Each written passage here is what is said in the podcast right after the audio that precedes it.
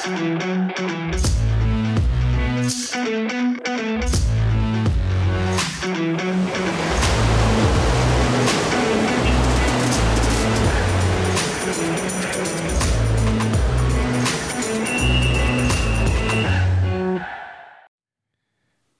pozdrav svim gledalcima podcasta pod kapicom i dobrodošli u 140. epizodu. Danas pričamo malo o e, evropskom prvenstvu kadeta u Manisi. Izvinjavam se što, što malo kasnimo sa, sa tom pričom, ali prosto se neke, neke druge stvari ovaj, otvarale.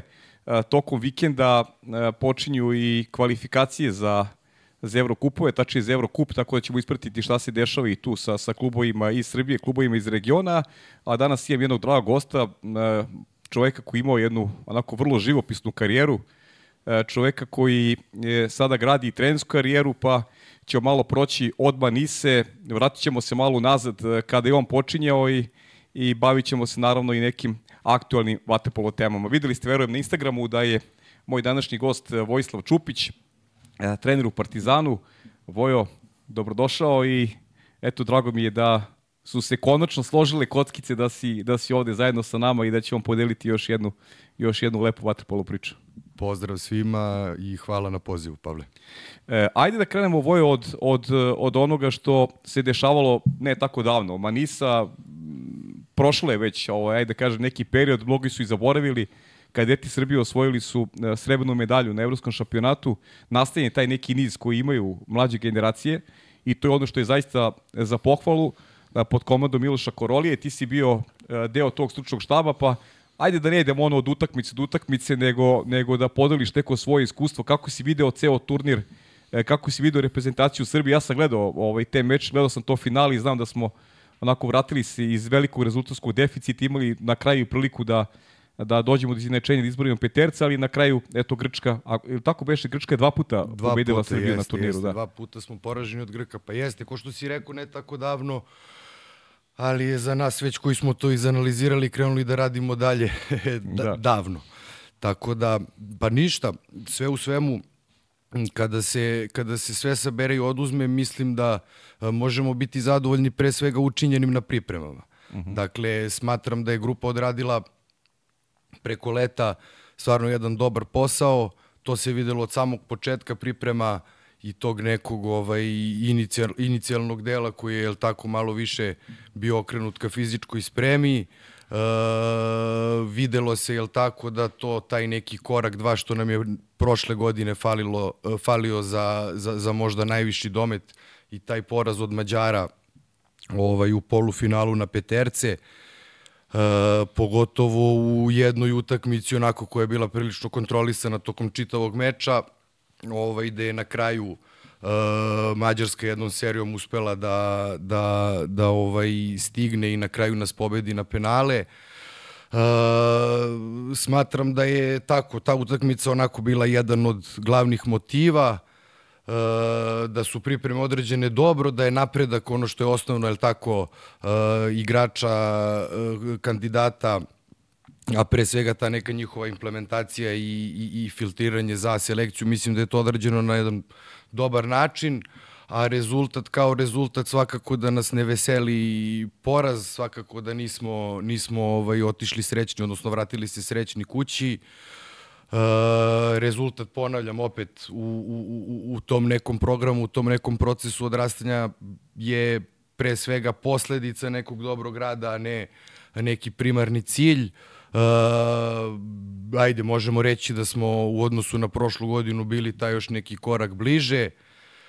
Uh, sa druge strane, svakako možda taj neki osjećaj koji je ostao uh, nakon samog turnira u odnosu na prošlu godinu gde si to završio ipak poziciju, poziciju niže, ali pobedom i, a ove, se, ove, ovog leta završio sa srebrom i osjetio taj neki poraz u finalu, mislim da je to svakako ovaj, jeste korak više i, i, i, i jako važno uh, da je to opet deo uh, u procesu odrastanja ovih momaka i, i, i pripreme za ono što ih očekuje. Uh -huh.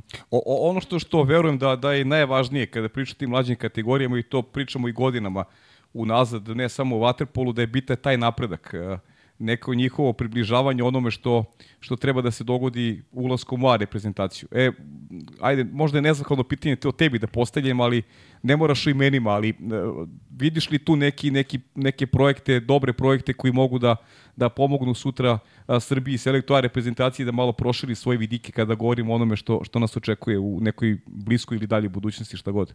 Ne bih, ne, složit ću se s tobom, ne bih uh, imenovao pa mislim da mislim da nema uh, mesta i nema razloga za neku specijalnu brigu. Uh -huh.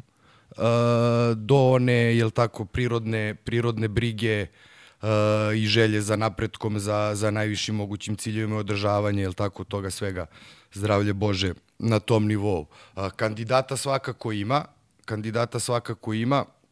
Govorim pogotovo o tom bloku uh, Uh, o kome sam, da kažem, u protekli godina najviše vodio računa i najviše pratio uh, što kroz uh, nacionalne, nacionalna takmičenja, što kroz reprezentativne akcije. Smatram da ima materijala, smatram da, da bi trebalo nastaviti strpljivo, oprezno i, i, i predano i nadam se, nadam se ono, naj, najbolje. Uh -huh. Kada govorimo o nekim, o nekim rivalstima, ajde da kažem, možda trendovima ili ti, ili ti možda zemljama koje su napredovala neku, neku iz tvog ugla, kako vidiš tu neku, ajde da kažem, buduću scenu, jer ono što je primetno meni iz tih, unazad neke dve godine, dve i po godine, da su možda ti neki najžešći dueli sa Mađarima koji se vode i da su tu negde nijanse odlučuju tim utakmicama. Peterci, koliko puta su različite generacije ovaj, na peterci završavale meč. To negde govori o nekoj izjednačnosti, a, a, a primetno je da da Mađari očigledno da, da, da, da imaju generacije koje, koje mogu da im vrati taj stari sjaj posle jednog, ajde da kažem, zapećka kada govorimo o rezultatima, primetno je da oni osvajaju medalje najvećim takmičenjima i da imaju pojedince koji mogu da, da, da, da im vrate ovaj, te neke pozicije koji su pa manje više od uvek imali u svetskom vaterpolu. E, jeste, Mađarska je sigurno uh, reprezentacija o kojoj najviše treba voditi računa. Uh, to je, kao što si sam rekao, ispratio i, i, i ukratko je analizirao činjenica da, da su oni najuspešniji rezultatski. Smatram da e, takođe e, imaju za cilj i prioritet e, selekciju i implementaciju i prosto e, pravljenje igrača za selekciju. E, smatram da su takođe Mađari Ehm, pa mogu reći u poslednjih, poslednju možda deceniju, ako ne i malo više, uh, takođe prisustvom nekih naših igrača i trenera u, u, u svom sistemu, uh, u svom šampionatu, uh, podigli neke stvari na viši nivo, shvatili neke stvari, podigli neke stvari na viši nivo, pogotovo što se tiče tog nekog sistemskog, sistematskog pristupa uopšte svemu. I smatram da oni uz tu neku bazu igrača koji su uvek imali enormnu. Uh -huh. uh, su svakako najveća briga. Uh, nakon toga Španci smatram da su takođe uh, podigli, podigli svoj rad sa, sa mlađim selekcijama. Imali smo, evo, imali smo ovog leta, tačnije ove takmičarske sezone, zapravo protekle, pošto je nova već počela, ovaj, priliku da treniramo sa Špancima u, u tom sportskom kompleksu, dakle, govorim i dalje o, o selekciji 2600, u okviru tih ovogodišnjih priprema imali smo taj te sparing pripreme sa Špancima. U, u okviru tog njihovog sportskog kompleksa KAR, gde je pored vaterpola tako bazena e, postoje, dakle, bukvalno je kao američki, američki koncept univerziteta, e, gde je smešteno sve škola, e, hrana, čak od osnovne škole, srednje škole, studija, master studija, doktorskih studija, e, sve pod e, pokroviteljstvom e, Katalonije kao regije i mislim da su još to malo suzbili taj neki kvalitet, jer tako, jer, tako, jer znamo da je ovaj gro Dakle, ta, to srce uh, španske reprezentacije, ako govorimo o Waterpolu, upravo, upravo iz Katalonije. Tako da Španci i, i, i Mađare bih svakako izdvojio uh, i stavio na prvo mesto. Grci koji su, el tako, šampioni, uh, aktuelni prošlogodišnji vice šampioni, opet u nekoj borbi za medalju, uh, su nastavili u tom nekom kontinuitetu.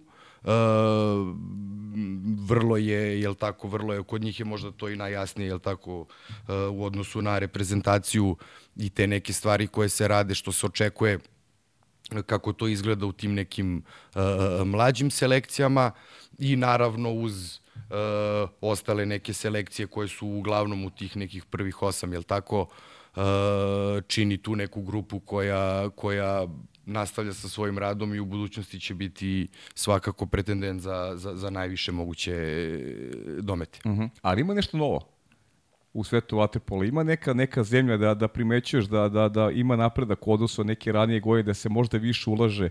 Da li, da li nam prijeti u nekoj bliskoj budućnosti da se pojavi neka nova, neću reći sila, ali, ali selekcija zemlja koja će se približiti malo već nekom standardu koji postoji u vaterpolu. Sad pričao si o, o Mađarskoj, Španiji, Grčkoj, naravno tu su Hrvatska, Crna Gora, uh, Italija, to je, to je već da. nešto što je onako da. prepoznatljivo. Da li ima nešto novo da si primetio neki trend, ajde da kažem, porasta u nekom kvalitetu prvo rada, pa onda i nekog, ajde, približavanja tog igračkog kvaliteta onome što, što daju ove sve selekcije koje si nabrao. Ok, pa e, svakako, e, dakle, kvalitet ajmo ovako, znači pre svega e, između, da kažemo, top selekcija, najkvalitetnijih selekcija i selekcija koje su možda bile u tom nekom drugom, drugom planu, kvalitet, dakle razlika u kvalitetu je sve manja.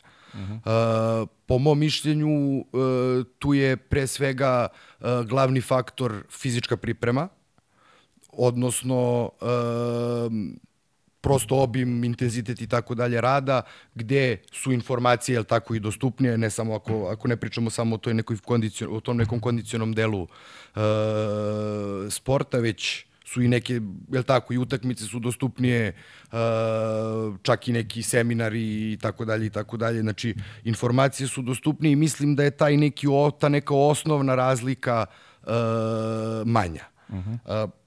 Opet na kraju te selekcije, znači selekcije koje su u tom nekom najužem, najužem krugu i, i koji su, koje su favoriti uh, uglavnom na svim takmičenja, nisu se one tu mnogo nešto menjale.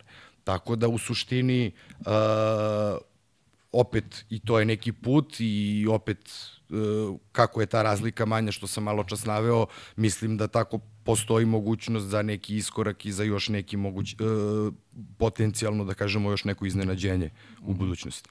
Ja, kaži mi, pošto radiš kao trener, ti si, ti si u Partizanu, sad nadovezujemo s ono što se dešavalo i na, na evropskom prvenstvu, kaži mi koliko si zadovoljan uh, ovaj, onim što se dešava trenutno u, u srpskom vaterpolu kada pričamo o mlađim kategorijama. Ok, ima rezultata, govorio si o sistemima kako se radi u Mađarskoj i Španiji, to su već onako sistemi koje dotiču dosta i obrazovanja i neku mogućnost koju, koju ti mladi sportisti imaju. Kakav je odziv danas, u, ajde, nekom možda poređenju sa tim tvojim periodom, uh, kada govorimo o, o dolascima igrača, pa tačnije momaka koji treniraju vaterpolu, posvećenosti, e, koliko se promenilo odnosno na taj period i koliko si zadovoljan onim što se zove uslovi za, za rad i, i, i, i takmičenje. Da, znam da je tema malo nije, o, nije da. Uh, pa ovako, što se odziva tiče, što se odziva tiče, smatram da je, da je u tim nekim okvirima da su brojke približno iste.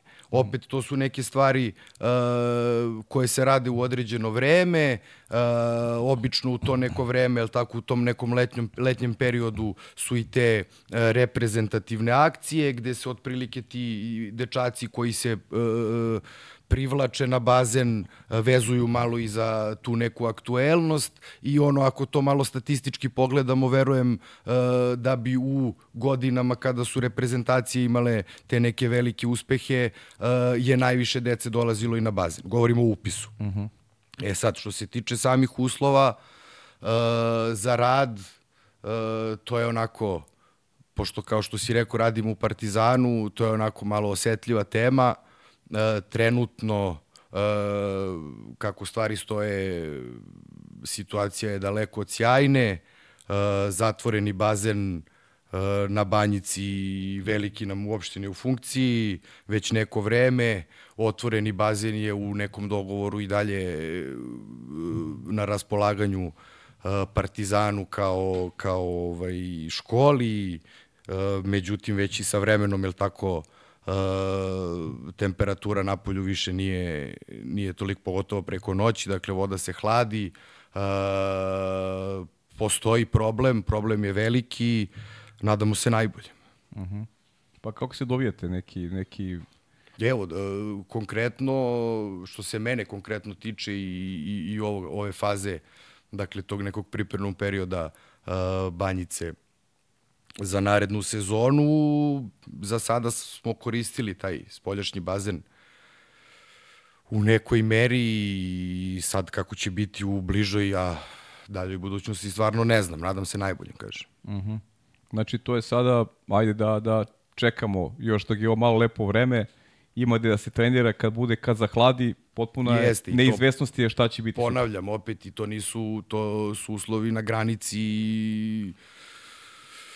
ne, nečega mogućeg. Uh -huh. Nisu to s- uslovi da je sve perfektno pa će sutra. Ne, to je i dalje je onako prilično prilično ono nije najbolje tako da ovaj kažem eto nadam se od skoro bi trebalo i trebalo bi prva ekipa da igra svoje utakmice Da, na, na domaćem bazenu, tako je, pa to je jako brzo, nadam se, nadam se najboljim, ponavljam. E, to je ono što je naš priča generalno srpskog vaterpola. To je, ne mogu da, eto, da, da se ne nadovežem na, ovaj, na, na celu priču, da i tvoja generacija je imala ovako, i, i, i sličnih problema i dešavalo se stalno u prošlosti da, da mi govorimo o nekim osnovama. Sad malo pri- pričamo o Španiji, o sistemu, kako funkcioniše jedan, jedan ajde da kažem, projekat u Kataloniji i onda se vraćamo ovde da su očekivanja uvek najveća, uvek osvojiti zlatnu medalju, ako nije zlatna medalja, tu je već se prave ovaj, kalkulacije da li je urađen posao kako treba ili nije, a govorimo o nekim osnovnim ovaj,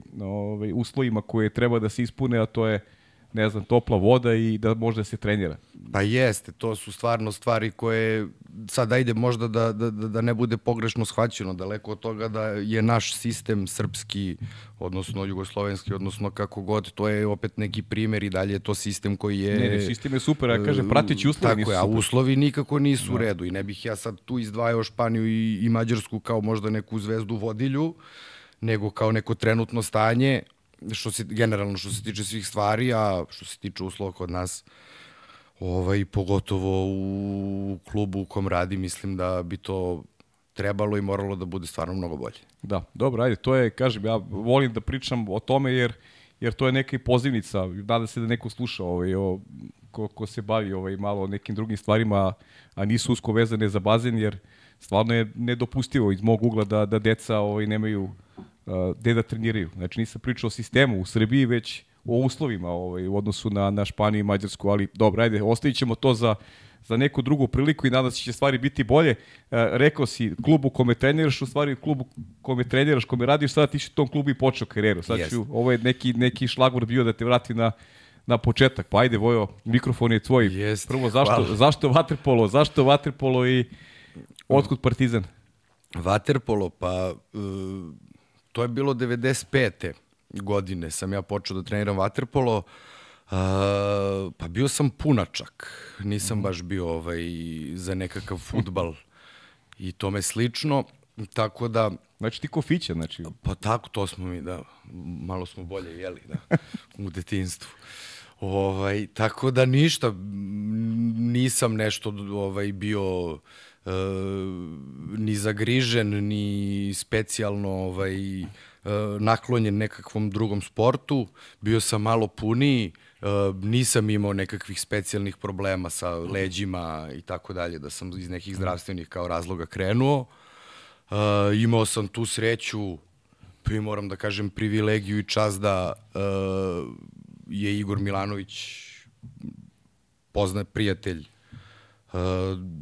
porodični mogu reći, dakle sa mojim uvekom, sa mojom majkom i da je on sugerisao da je vaterpolo jedna dobra stvar, da je u Partizanu ta škola čuvena ne samo po uh, projekciji, da kažemo, konstrukciji igrača kao igrača, nego da je to jedna uh, sjajna životna škola.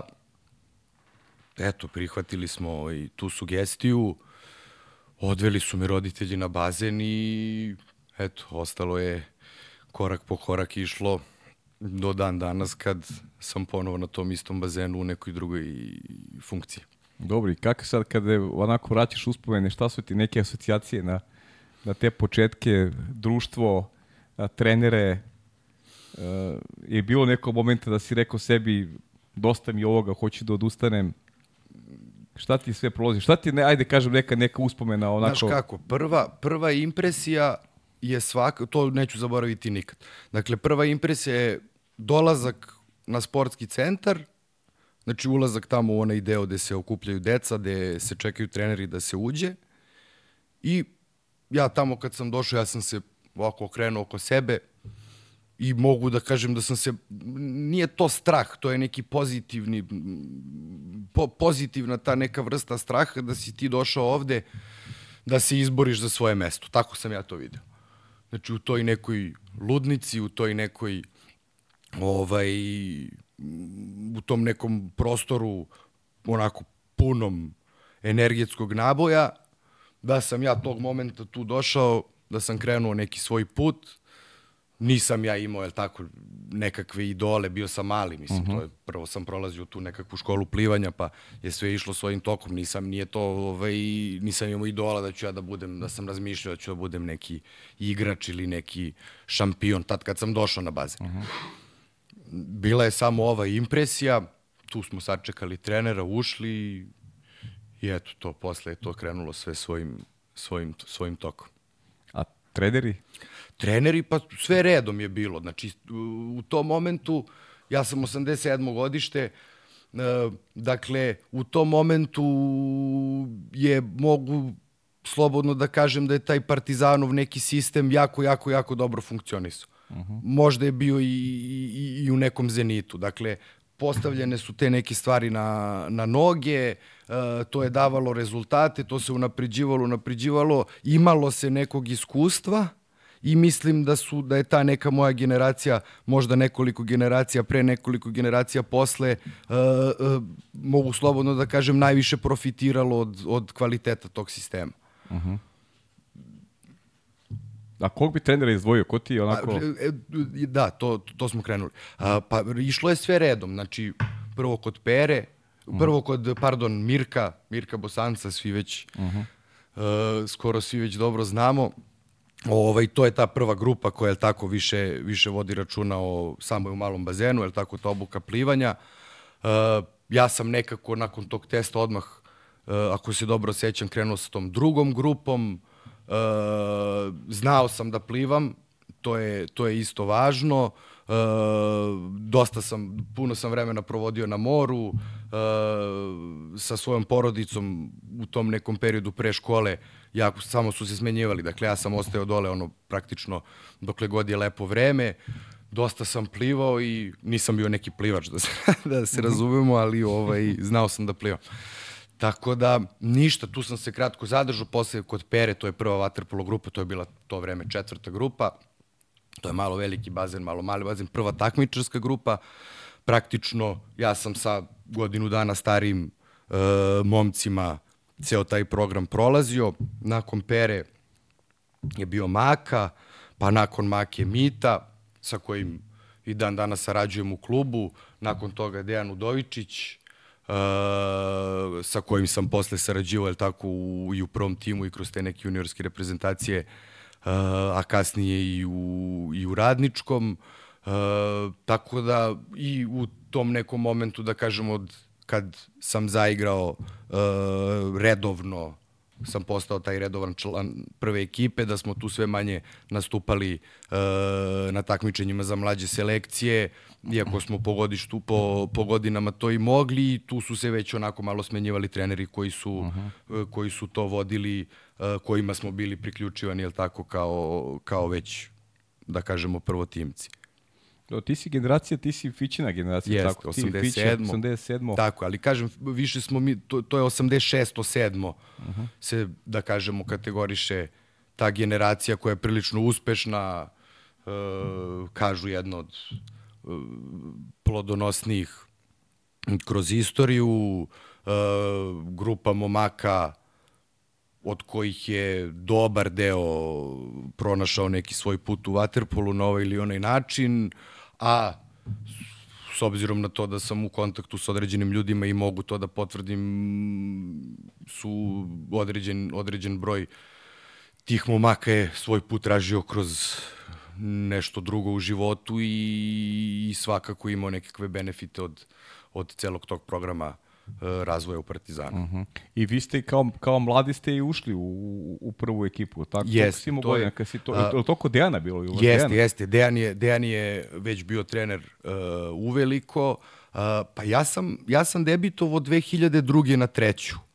Uh -huh. uh, 2002. na treću, dakle 2001. druga, znači 2002. je bila titula uh, sa Dejanom, uh, to je isto taj nekada kažemo generacija pre naše koja je isto vrlo vrlo ovaj uspešna i to je krunisala je tako titulom Srbija i Crna Gora je tako Uh, nakon toga, te godine smo mi mlađi priključivani, dakle Fića je i te prethodne kad je bila titula, znači 2002. treće smo polako, određeni broj igrača je prošao te pripreme, svećam se da je na Malti bilo nešto, ja tamo nisam išao, u toku godine sam polako uh, sve više i više trenirao, pa sam u jednom momentu, ako se ne varam, skroz i prešao i vrlo često i bio u sastavu, jer je obično e, pravilo je bilo da je to neko možda poslednje ili ta poslednja dva mesta su za mlađeg igrača koji je mm -hmm. možda bolje radio od ovog svog e, glavnog konkurenta u vidu mlađeg igrača ili bio prisutni ili iz nekog razloga je ovaj zaslužio više da, da bude u sastavu. Pa kako utakmica donese, ovaj, ide i minutaža, ide i učinak i tako dalje i tako dalje, sve kako treba po zasluzi i redom. Uh -huh. Ti si sa Fićom i istu poziciju, mladi. Jeste, tako? da, jeste, dva, ja sam dva, levoruk, dva levoruk, isto, jeste, ti si je, levoruk. To je onako malo i interesantno da u istoj generaciji budu dva igrača od koga je jedan, ili tako, po mom mišljenju najveći, najveći levoruk igrač svih vremena, a da je drugi kroz waterpolo prošao, je tako, od početka do kraja, imao profesionalnu karijeru, žive od toga, imao neke uspehe i tako dalje i tako dalje. Mm. Tako da ovaj je interesantno, a i u tim nekim prosto utakmicama u svom neku, svojim nekim okvirima, je tako, godišta je bilo onako vrlo i uspešno. Da, bilo je uspešno, ali ne znam, da, šta me zanima, kako gledaš danas ovaj, na, na, na, na to stvari? Pojavio se vrlo brzo i i Manda, koji je isto jedan fenomenalan igrač, pa je tu negde bio i Boris Vapenski, pa a, bilo je ovako dosta interesantnih levorukih igrača. Jel misliš da bi, znaš, prosto si igrao si u nekoj jeri ovaj, baš stvarno velikih igrača koji su, ajde da kaže, služili se levom rukom. E, Eh, evo, rećemo sad prvenstvo, mislim, prvi put Srbija igrala bez levorukog igrača, ja mislim tamo od neke 2002. treće godine, imao sam, tačno sam znao izvaničan podatak, Jel misliš da bi ti karijera repestivna eto bila drugačija da da ovaj da nisi prosto živeo u toj eri stvarno fantastičnih igrača koji su ovaj igrali na toj desnoj strani? Pa da li bi mi bila drugačija ili ne? Verovatno bi, ali je veliko pitanje da li bi uspesi reprezentacije bili ovaj, okay, da, okay. na tom nivou. tako da tako da treba biti objektivan. Uh mhm. -huh. Mislim da sam iz svog uh, dosadašnjeg života, pre svega profesionalnog karijere, izvukao neki svoj maksimum, uh mhm. -huh. tako da nema, ne daj Bože, nekog žaljenja za, za nečim. Uh, opet na to gledam kao na nešto da je do mene, nije do drugog, da sam ja bio bolji, mislim uh -huh. to bi mhm. bilo bolje ako je to možda bilo usmereno pa nije baš nego više, stranu, da, da, nije baš da. ovaj, da. ajmo da se zadržimo tog duhovitog da. komentara da bi sigurno bilo bolje, ali pitanje koliko bi svima bilo bolje. Koliko bi svima, koliko bi kolektivno bilo yes. svima bolje. A dobro, ovaj, ta, to neko sa, sa Fićem u Partizanu, čekaj, to je, ili pamtiš, neki trofej, koji ti bio najdrži u to vreme ovaj, igranja u Partizanu? Pa, znaš kako, uh, u Partizanu, što se seniorskog tog dela tiče, Uh, ja sam učestvovao u osvajanju te prve titule uh, samo u okviru Srbije, dakle od, od, uh mhm. -huh. od cepljenja. Uh mhm. -huh. To je 2006. Uh -huh. uh, 2006. na 7. Na 7. Uh -huh to mi je jedini trofej u seniorskoj konkurenciji, odnosno dupla kruna, je tako? Uh mhm. -huh. Gde konkurencija objektivno i nije bila nešto uh, specijalno kompleksna. Uh, što se tiče tih nekih trofeja u, mlađim kategorijama mislim da to kao nije nešto specijalno ni važno. Okay. Apropo one priče koju smo, koje smo se dotakli da je to samo kao plod nekog uh, dobrog rada, ne kao neki cilj.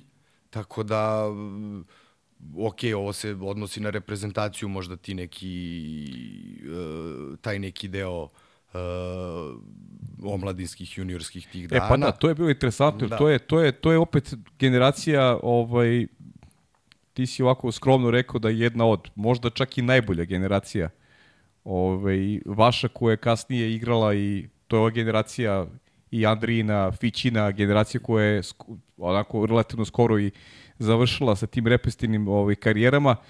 Tvoja generacija juniorska, ti si prošao taj, taj put juniorske prestacije. Recimo, ono što je meni fascinantno, ti Mađari kojima pričamo, ako ja imam dobar podatak, vaša generacija nikada od Mađarske nije, nije izgubila u tim, na tim juniorskim šampionatima. Pa nismo izgubili nikad ni od koga. Ni od koga, ne, ne jedan, je, jedan, je bio, jedan je bio Remi, uh, jedan je bio Remi sa, sa Grčkom, uh, to je mm, onaj Diana Kup neki, to je, čini mi se, godinu dana u oči prvog tog nadmetanja. Jer mhm. ranije je to bilo malo drugačije. Uh mhm. -huh. Taj sistem takmičenja je bio malo drugačiji. Dakle, u to neko vreme uh, neparna, neparna godišta su bila noseća i prvo takmičenje uh, internacionalno je bilo under 18. Uh -huh. Dakle, ja sam bio u tom programu uh, pre svega sa generacijom 85, nešto malo i sam trenirao ajde s ovim još starijima, to 83. ali to je bilo baš na silu. Ovaj, uh, znači, ceo taj program, to je bila neka, ako je od 2003. 2002. recimo, da je bilo to neko takmičenje, taj Diana Kup, to neko prvo možda, taj Balkanijada Diana Kup, ne mogu ne se setim. Ovaj, da je to bio remi, da ovo ostalo nije bilo, baš nije bilo problema ta generacija 85, to je Srbija i Crna Gora. Srbija i Crna Gora, da. To je Srbija i Crna Gora. To je uh, onako 13 od 13 igrača možda ajde koji su otišli na to svetsko prvenstvo. Jer bilo je, dakle, prvo je takmičenje bilo evropsko za 18 godina, uh mhm. -huh. pa je drugo takmičenje naredne godine uh, takođe bilo evropsko za istu za istu isto godište, dakle under 19 i svetsko prvenstvo naredne treće uh, under 20. Kada je to svetsko prvenstvo za stariju kategoriju, uključuje se mlađa, odnosno dve godine mlađa i ima evropsko prvenstvo. Dakle, te 2005. smo uz uh, to prvenstvo nastupili i, i, i na prvom takmičenju za svoju uzrasnu kategoriju. Uh, tako da, eto, to što sam ja učestvovao u tom bloku uh, je bilo 2003. čini mi se evropsko prvenstvo uh, u Turskoj i za 85. godište pa 2004. na Malti, takođe evropsko i 2005. u Argentini svetsko. Uh, eto, impresije stvarno, mislim, to su, stvarno je bila dominantna, dominantna generacija uh, da sad, mislim, ne navodim da, ne. sva imena, okay. verovatno se to već neko i uradio, ovaj, prilično ta utakmica je jedina je bila kompleksna, vrlo kompleksna u finale u, na Malti, te druge godine protiv Hrvatske, gde smo iz nekog uh, velikog deficita se vratili i seća se da je počela neka kiša, da je bilo potpuno neko ludilo u kom smo se vratili na, sa 6-3 na 6-3 kontra, oni 1 na 0, ako se ne varam, za plus 4, uh, ne znam kako nije pao go, re, uh, re kontra minus 2, gde hvatamo priključak do kraja, pobeđujemo na produžetke, to je stvarno bilo ovaj, onako za pamćenje. Uh, prve godine smo Mađare pobedili u finalu, nešto prilično, prilično glatko, ako se ne varam, 15-10, 15-9, tako nešto i finale je bilo u, u Argentini tog uh, poslednjeg takmičenja, znači under 20 sa Hrvatima koji su imali stvarno fantastičnu, mm -hmm. fantastičnu reprezentaciju. Fantastična reprezentacija. Uh, 85, 87, znači nešto slično kao kod nas. Ovaj, isto sada možda ne navodimo ovaj, ali veliki, veliki broj tih igrača ima fantastične karijere i, i, i uspehe posle sa, mm. sa selekcijom. Tako da, uh, eto, za, za, za, za tu stariju grupu je bilo na taj način, uh, dok za tu mlađu, dakle svoje godište je isto bilo prva ta dva zlata uh, te dva evropska prvenstva 2005. u, u, u Bugarskoj i 2006. u Radeji, gde je uh, finale tog Under 19 u Radeji bilo na produžetke sa Mađarima, onako prilično isto uh, neizvesna neizvesna utakmica, a na uh, tom poslednjem takmičenju za svoju kategoriju 87 nisam nastupao jer je odlučeno da uh, se ukaže prilika nekim mlađim momcima da su mhm. određeni igrači prošli već kroz to što treba da prođu i da, da je to neki put uh mhm. -huh. kojim se ide. Tako da eto. A kaži mi šta ti bilo teže da igraš u utakmici protiv Mađara, Italijana, Španaca ili protiv reprezentacije svojih bivših ovaj, tačnije svojih naših prostora iz, iz, iz, ovaj, iz bivše države. Hrvatska, Crna da. Gora, da. pošto praktično ovaj, svi dolazite iz istog sistema. Znaš kako, zavisi od, zavisi od mnogo faktora. Ne, ne mogu da kažem da ne, ne, ne mogu na taj način da, uh mhm, -huh, naš mhm. opet i ti, te neke selekcije imaju određeni uh, određen, da kažem, ajde, sistem u kom, jel tako, u odnosu na određene karakteristike, određeni igrači sa određenim karakteristikama, jel tako, prolaze, što kažu škola, nečije određene zemlje i tako dalje, ali mislim svako je na svoj način e, dobar i ne bih mogao da, da, da, da ti odgovorim baš Direktno. konkretno, da. Uh mhm. -huh. Dobro, a šta sam još teo ti kaže vezano za to, koje ti od tih takmičenja nekako najdraže? Ajde, pričamo da, da, da zaključimo priču juniorskim, ovaj, ili ima neka posebna priča koju pamtiš i opet te sad vraćam na to, na tu neku tvoju memoriju kada onako porutiš karijeru i setiš se tih juniorskih dana ili ima nešto što je onako specifično i, i čega voliš da se, da se setiš?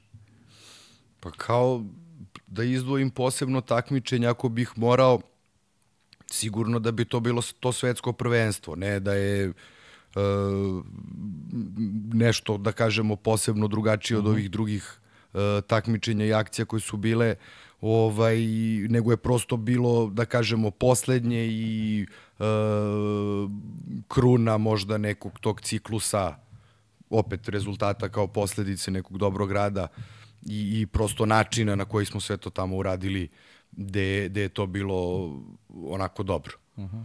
Tako da ako bih morao da izdvojim nešto, izdvojio bih to, ali ponavljam, to su, e, svako to leto je priča za sebe, e, svakog, to le, svakog tog leta si ti e, radio na sebi, borio se, tražio opet neko svoje mesto pod, u tom waterpolo sistemu, naginjući ka profesionalizmu.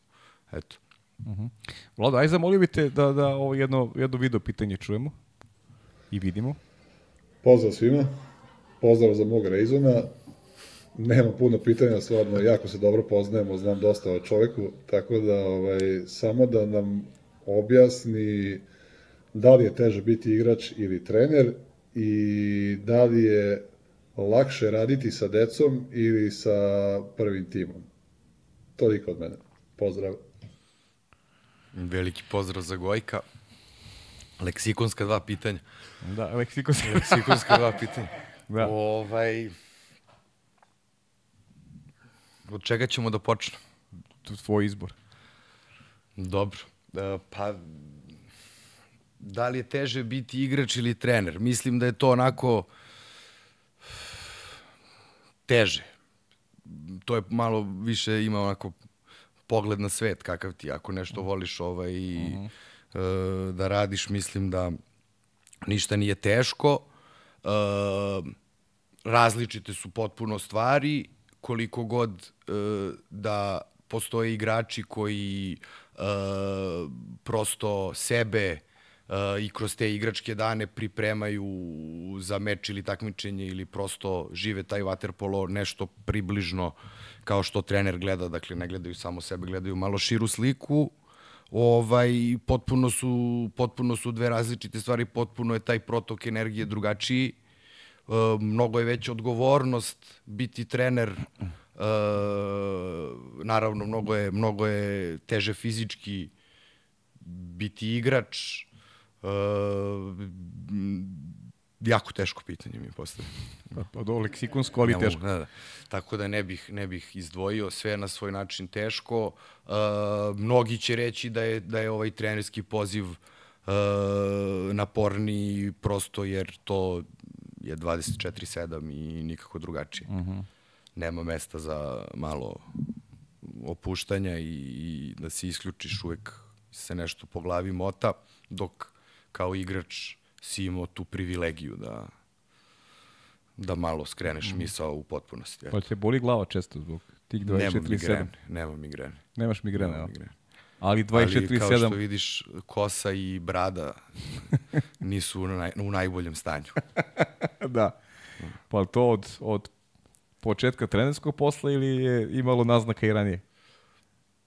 Mm, kulminiralo je, da kažemo. Kulminiralo, ja. Ovaj, tre, u, trenerski, u trenerskoj koži. Uh -huh, uh -huh. Pričat ćemo ovaj, o, o tom trenerskom poslu. Ovaj, kaži mi, uh, Vojo, ja te, ja te pamtim kao ovaj, ono dok si igrao kao Voju Vezagića. I, I to je nešto što eto, i, i mnogi ljubitelji vaterpola ovaj, takođe te ovaj, pamte kao Voju Vezagića. Uh, pa ajde, ovaj, ispričaj nam, ispričaj nam ovaj, ajde da kažem, to je sad porodična ovaj, da. priča, ovaj, od kad si Čupić i šta je ovaj šta te ovaj ajde da kažem negde motivisalo ili životno odredilo za za za tu promenu. Jeste, pa uh, dete sam razvedenih roditelja, uh, svoj život sam proveo isključivo sa majčinom stranom, dakle sa jednom stranom uh, porodice. Nastupao sam da kao Vejzagić, prošao sam sve te uh, juniorske dane i taj neki prvi deo svoje karijere, uh, čak i prve te dve godine u inostranstvu, uh, u momentu kada sam se vratio u zemlju, uh, imao možda malo više vremena, a dovoljno bio zreo i možda uh, pre svega pravno, jer tako uh mhm. -huh. punomoćen, a, a, a zreo da mogu takvu odluku da konačno donesem, sam se za to opredelio. -huh. Mhm. Dakle, uh, uzeo sam majčino prezime, Čupić, i svoj neki put nastavio na taj način, ali uh -huh. da je mhm. to sad kao neka specijalna razlika, nisam siguran. Tako uh -huh. da, eto, to je otprilike tako išlo. Da, interesantna je priča, samo da. ovaj, prosto, eto, za, za, i za one koji, koji ovaj, kako bi ti rekao, popuno razumemo ovaj, šta si, ovaj, tvoj, tvoj osjećaj, tvoju odluku, a nego kažem prosto za ljude koji, koji te pamte kao igrače, to čisto, čisto da, da, da znaju da. koji te pamte iz tih nekih mlađih dana, ovaj, da, da, da, da, da pojasnim, eto, samo to je bio, bio razlog ovog mog pitanja. A kaži mi, ovaj, e, i kao mlad si otišao prvi put u inostranstvo i to je, to je bila Turska, je tako? Odlazak u Galatasari. Šta, šta je tu presudilo? Jeste, veoma mlad. Pa, uh, Koliko si imao godina tada? 20. Uh -huh. To je 2007. na 8. Uh, to mi je prvi, prvi, uh, prva promena kluba, uh, kao logičan jedini izbor u to vreme je naravno bilo inostranstvo. Uh, bio sam vezan ugovorom sa Partizanom, uh, ako se ne varam, bio još dve godine. Uh, u tom momentu uh, je bilo najobjektivnije za obe strane da ja nastavim karijeru na drugom mestu. Bilo je tu nekakvih priča sa određenim klubovima. Na kraju to je bio Galatasaraj, koji u tom momentu, ajde, možda i nije bila, da kažemo, naj... Da, da kažemo, možda najbolja opcija s igračke strane zbog prvenstva koje onako uh, nije specijalno interesantno u odnosu na ekipu koja je Galatasara imala, gde tu e, ima prostora u Evropi samo za nekakvo, da kažemo, nadmetanje na određenom nivou, visokom nivou. E, međutim, pričali smo malo i pre emisije, pokazalo se kao stvarno pravi potez. E, iz kog razloga? Dakle, e, Peđica Mihajlović e, je bio trener, i Žare Petrović koji je završavao svoju igračku karijeru i u tom nekom dogovoru je uh, igrao te evropske utakmice dokle god smo mi zbog broja stranaca mm -hmm. tako koji je bio ovaj određen za tursko prvenstvo imao je pravo nastup u Evropi tu je nažalost veoma brzo smo mi ispali iz, iz te priče i, i Žare je ostao kao pomoćni trener tako da uh,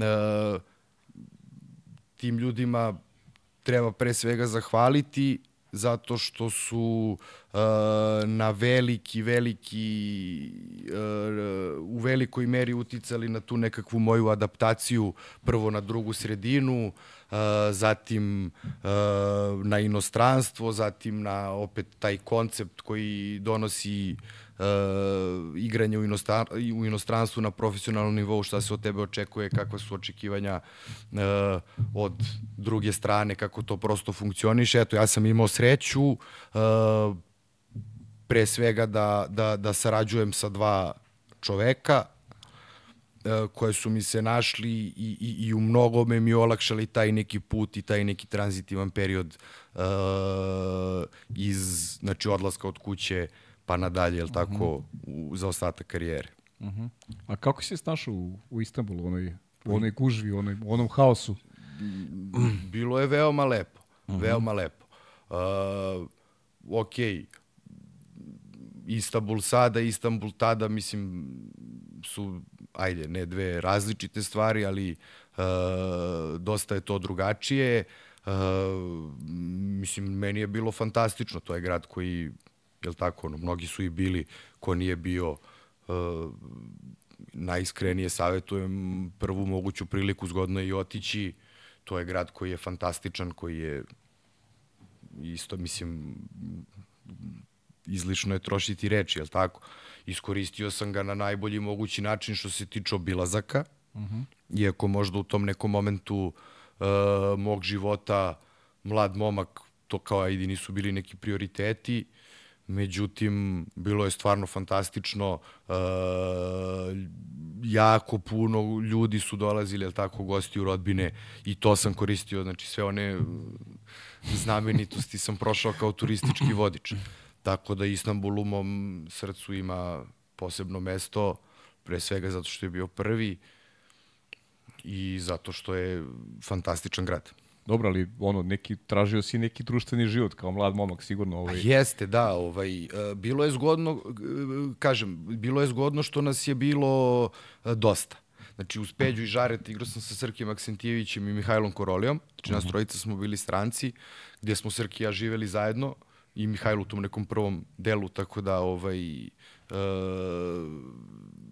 do, dolazilo nam je dosta rodbine, imali smo imali smo društvo, naravno Turci su isto ovaj, uh, stekao sam i prijateljstva, ali tako, znači bilo je lepo druženje i sa, i sa domaćim igračima, uh, ali u tom momentu grad možda nije, nije, nije uh, nudio taj neki program koji bi jednom mladom momku bio interesantan, mm -hmm. neki možda izlazci, nekih možda drugih vidova zabave, ali ponavljam, fantastično iskustvo. Jeste gledali neki druge sportovi? Bilo još um, ljudi svojih prostora da, u to vreme? Da, išao sam na formulu, to je tebi interesantno. Meni je da to zabavno. Išao da. sam na formulu, iako nisam ovaj, uopšte fan Uh, prosto to, to nije baš mi, nisi morao da mi kažeš odao, ne. Dobro, ajde, okej. Okay. Uh, nije, mi, nije mi blisko, nije, mi, nije nešto što, što mi budi dobru emociju, uh, ali sam to naravno morao u Istanbul Park, sam posetio da vidim kako to sve izgleda. Uh, da, interesantno, možemo i jednu anegdotu da, da ispričam. Uh, gledali smo futbal, uh mhm. -huh. gledali smo futbal, e sad, uh, mi smo živjeli u azijskom delu. Dobro. I bazen Galatasara je u azijskom delu, a u azijskom delu je, ne znam da li si bio, uh, bio na Kadikoju stadion Fenerbahče. Uh mhm. -huh. Znači, a, uh, azijski deo je rezervisan za, uh mhm. -huh. za navijače Fenerbahče. Uh, Naravno, pre nego što smo došli... Ovaj, I baš ste bio na tom stadionu. Dobili da. smo, da, i sad, mi kad smo došli tamo, to je, on je bio otvoren, ja mislim, godinu i po dana pre. Uh -huh. Znači, u tom momentu, ja kad sam ušao, kad sam vidio one kalorifere, da imaš grejanje na stadionu, meni ništa nije bilo jasno. ovaj, I uh, Fener igrao Ligu šampiona, te godine jako uspešno, ako se sećaš, od Chelsea su ispali u četvrtfinalu. Ne baš. Uh, Kežman je igrao za, za Fener. Za Fener, da. Da. Inače, Mateja Kežman meni kao partizanovcu jedan od ovaj, značajnijih igrača uh -huh. u istoriji i bilo nam je to jako blizu, vamo tamo, međutim kad smo, kad smo došli u, uopšte počinjali celu tu priču, rečeno nam je to kao par instrukcija u smislu uh, vidite kad su utakmice Fenerbahča u to vreme, ako mi imamo slučajnu utakmicu, nikako uh, uniformisani, stavite u ranac i tako dalje. I, okej, okay, uh, to je čini mi se prva utakmica uh, Fenerbahčea u grupi uh, te godine protiv Intera kod kuće. I Srki i ja idemo na stadion,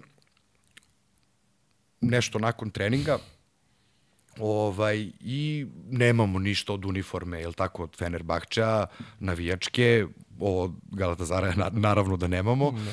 Ovaj, I tako idemo, prilazimo stadionu, tu smo nešto pešice išli i sećam se kako smo prilazili stadionu, jer tako tu je sve više i više ljudi, e, more ljudi koje prilazi, bukvalno svaki, znači 100%, ne 99, nego 100% su ljudi u dresovima dres, da li je plus kačket, plus uh -huh. šal, šta god, dres je tu. I sad ti kako prilaziš, prilaziš, a nas dvojica u civilu, jedan plavu, jedan crnu majicu. I naravno, ovaj, pošto smo, jel tako, pristupačnije malo karte sebi priuštili, to je taj deo gde su malo vatreniji navijači i sad ulazimo na gate, nov stadion, neverovatno, i tu prilazimo, prilazimo, i ovaj jedan čovek stoji pored sa detetom i kaže kao, o, kao Inter. Mi kao, ne, okrećam pogled, kao, vidi kao, ovog, naš, ovaj Inter, kao, došli navijači. Ja, mi u zemlju propali. Pa, I tako sam crven, možeš misliti ovaj, šta mi se desilo tad. Sad Crk je tu već bio, ranije malo kao tu nešto i nabada na turskom, on kao ne, ne, kakav Inter, jesi lud. Kakav mi Inter, mi smo Galatasaray. Ne, ne, da, da, ne, ne, kaže, mi smo Srbi kao Kežman, naš prijatelj, kao sredio nam karte, mislim se šta ti sredio karte na, na jugu, razumeš? I ovaj, kao, dobro, dobro, sve okej, okay, ništa, uđemo mi tu, sam, znači, Danas se sećam, samo kako je rekao Inter, samo su ono mačevi pogleda bili usmereni ka nama, gde smo mi to kao nešto izgurali odmah.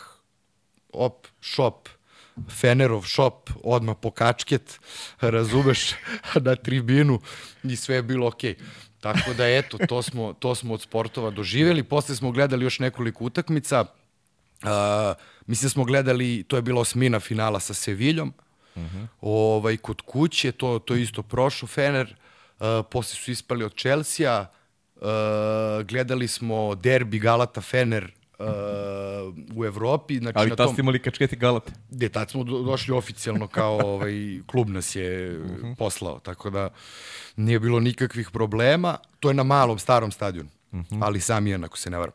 Nisam bio na Galati. Ovaj, mali stadion, 20.000. Ovaj, to smo gledali, E, košarku ne. I eto, manje više to je to. Da, da. Dobro, ali eto, bilo je, znači, lepih priča Lepo. u, u Istanbulu. Jeste. Dobro, ali nije dugo trajalo u Istanbulu. Ti ne. si, ovaj, ti si prešao brzo ovaj, a ne znam, možeš porediš neku, da kažem, neka liga, to su bili neki početci, neki, neki njihove želje da, da, da napreduju, da nešto poguraju vaterpolo, ali čini mi se da se Pelcer baš, baš i nije primio. Pa jeste, to je bilo, ovaj, uh, znaš kako, to, to je generalno možda i odlika određenih klubova u, u mojoj karijeri. Dakle, tu, ti se, e, tu se svodi e, priča na, jel tako, dve strane, gde ti u domaćem prvenstvu koje dolazi kasnije u principu imaš neki otvoreni put, da je gro tih e, domaćih igrača u toj nekoj zemlji koja možda nije svetska, e, svetska sila, da je gro tih domaćih najboljih igrača u tom klubu uz adekvatne strance, da se tu napravi neka priča da u Evropi može da se napravi neki iskorak, možda ode neki stepenik više, a da se to u, prosto u domaćem prvenstvu nije specijalno kompleksno ovaj, doći do, do najvišeg cilja. Tako da, e, nažalost, kažem, tu plan nam je bio da u, kroz Len Kup tu potražimo neki svoj mhm. put, uh -huh. da doguramo koliko možemo. S jedne strane, e,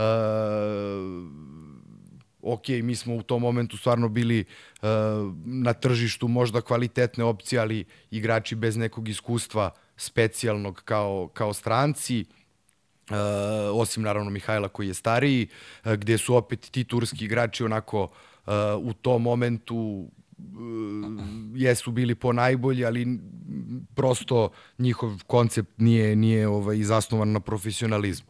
Tako da, nažalost, ponavljam, u tom, u tom nekom evropskom delu uh, iz tog, tog prvog kvalifikacijonog turnira za Ligu šampiona, gde je tako određeni broj uh, ekipa uh, nastavi u Lenu, na tom drugom turniru nismo uspeli da uđemo u dve uh, i po, posle u toj knockout fazi možda tražimo neki put.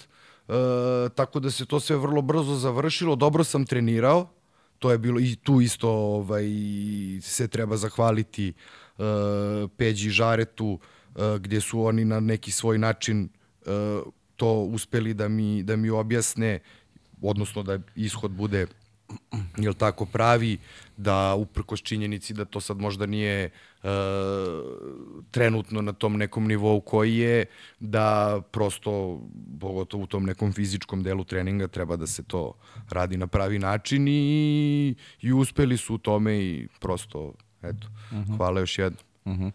Dobro, iz, iz uh, Istanbula ideš u Mađarsku. Malo, Idem u Seged, tako je. Ideš u malo, u malo manju sredinu, a? Da, ne, nešto manji grad. Nešto manji grad, ali u ozbiljnu uh, vaterpolo sredinu. Jeste. Uh, bilo je priče sa Galatasarajem oko nekakve dugogodišnje saradnje, koliko se sećam, to onako baš nije uh, prošlo na obostrano zadovoljstvo. U tom momentu Miloš Korolija je bio uh, u Segedu svoju prvu godinu Uh, sam, čini mi se, kao stranac, završio sezonu, bilo je tu neke priče uh, i sa jednom španskom ekipom, uh, gde je Marko Ćuk uh, bio posrednik u, u tim nekim pregovorima. Uh, na kraju se priča na kraju se priča svela na taj Seged.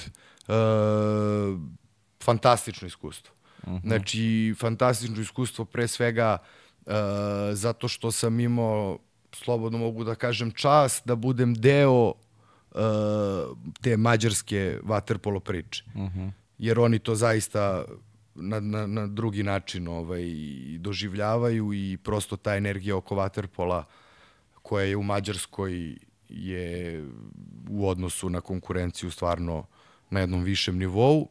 Još ti Zoltan Kašaš trenirao? Jeste, Zoli koji je uh, u tom momentu već proslavljen trener. Uh, sa koji je sa Bečem osvojio ligu šampiona, tako je sa Olimpijakosom takođe, uh, koji je mm, mi otvorio vidike, uh, pre svega, on je tako bio i, i stariji mm -hmm. u odnosu možda na neke, neke trenere sa kojima sam do tog momenta radio i koji je uh, otvorio mi je vidike prosto jer je imao potpuno drugačiji pristup od onoga na što sam ja navikao. Znaš, u kom smislu? Pa gde ti, jel tako si uh, odgojen na jedan način, uh, prošao si sve, jel tako, na jedan onako možda čak i surovo vojnički način, gde si, ajde opet, tu godinu uh, uh prvu u inostranstvu, možemo reći uh, u tranziciji prošao na jedan bezbolan način, uh, ali opet sa, jel tako, ljudima koji imaju taj neki srpski pogled na, uh -huh. na celu problematiku. Znaš, gde ti dođeš iz Oli Kašaš, ti se obraća sa gospodom, gospodine. Znaš, on nema, ja njega nisam, uh, uh, sad, ja mađarski ne govorim. Ja te osnovne stvari neki razumem i ovaj, tamo dok sam živeo mogao sam nešto da se sporazumem, uprko stoji nekoj svojoj ljubavi prema jezicima, nisam, nisam ga savladao, ali on, ja nikad nisam ovaj, tu reč razumem i on ti se svaki put obrati sa gospodin ili gospod, kad se obraća grupi, razumeš? Tako da, znaš, ni, ni, niko mi to nikad nije rekao da, da, da. Tako Nešto da, ovaj, životu, da. jeste, to je onako malo drugačije, malo te neke stvari što sam ja od njega pokupio, što sam imao taj neki odnos sa njim jedan na jedan, jer sam ja onako bio uvek prilično otvoren čovek i nikad nisam imao problem da pitam. Uh -huh. Nikad nisam imao problem da budem dosadan i ovaj te neke stvari koje mi on objasnio na taj neki onako ro, na neki roditeljski način, a sa druge strane vrlo uh, prost prost u smislu jednostavan uh -huh. i, i, i praktičan. To je taj, taj neki možda miks stvari kod, što, što je bilo kod Zolija. Uh -huh. uh, prvo što se tiče što se tiče ovaj same lokacije to je bilo vrlo prijatno vrlo blizu ovaj kuće i pogotovo u tom nekom prvom delu sezone taj neki pripremni deo i možda do nove godine sam jako često i, i dolazio u Beograd Tako da ovaj pre svega važno je naglasiti i ti momci tamo što su nas što su nas primili uh, su bili stvarno fantastični. Jer Segedin ajde pogotovo u tom nekom momentu ipak malo drugačiji u odnosu na na kompletno tu tu mađarsku priču gde sam ja imao nekakve sugestije i možda neke ono kao uh, neka podeljena iskustva uh, ovaj drugih ljudi, da je to onako se malo skromnije, malo onako zatvorenije. Pa da su oni pre svega zatvorenije, Mađari, da. Znaš, gde sam ja došao u, u Segedini kao tu prvih nekoliko puta kad smo se mi nešto malo okupili, malo nešto možda i popili, ovaj, da je to bilo stvarno fantastično, toliko toplo, toliko otvoreno, da je to ono veselje, da znaš, ono, muzika, druženje, ovaj, tako da s te strane mi je bilo stvarno lepo, sezona je na kraju dana bila veoma uspešna. Da, bila baš uspešna. Ok, uh, objektivno gledano treba reći da je sezona imala dva lica, da je jedno lice bilo u, u Evropi, da je drugo lice bilo u, u šampionatu, uh, gdje smo u šampionatu na kraju završili peti, nismo uspeli da se izborimo za prva četiri mesta koje su vodila u, u play-off. Igrali smo taj posle deo razigravanja od petog do osmog mesta. Da smo imali kvaliteta za više, da je malo bio neki splet, nije to kao bila neka tragedija, znači mi smo bili u tom nekom reonu da bi polufinale, možda treće mesto bilo uspeh, to su godine, to je osma na devetu, to su godine dominacije Vašaša to je vaš sa braća Varge, Štajmenc, mm -hmm. jedan, drugi, Katonaš, Nađ, Golman, to je dominacija u smislu baš dominacija, znaš. Gde recimo, eto, te godine, uh, ako se ne varam, uh, jedino smo mi uspeli da im otkinemo bod u Budimpešti, da su pobedili sve ostale utakmice, uključujući play-off, uključujući kup ovaj, u, u domaćim takmičenjima, što za Mađarsku nije kao prečest slučaj, znaš, da, da, da tu ima više da, ekipa, ima više da. igrača, ima više, naš, programa koji pretenduju i prosto su bliži kvalitetu. Tako da, uh, s te strane, Imali smo nešto utakmica koje smo kiksali, pogotovo kod kuće. Na kraju se to zakomplikovalo do mere da smo ispustili, da je trebalo da se čupamo u gostima uh, u dva navrata gdje je to bilo jako, jako, jako teško, da, for, da ekipa nije bila u dobrom stanju, da su i nešto i povrede malo uticale na, uh, na taj... Po, povrede su bile faktor takođe u toj celoj priči, ali sa druge strane deo priče u Evropi je bio stvarno fantastičan, gde Len kup. Pa jeste, osvojen je Len kup na jedan način koji će ostati upamćen sigurno, ba, makar za ljude koji su, koji su bili deo od svega toga do kraja života, uh, gde je to, ako se ne varam, prvi uh, trofej, prvi evropski trofej za jednu mađarsku ekipu uh, van Budimpešte ako se ne varam, uopšte u generalno u, u celokupnoj u celokupnom sportu. Tako da mislim da je to ogroman Vrlo uspeh. Moguće. Kasnije, da je ogroman Solnog uspeh, bio prvak Evrope.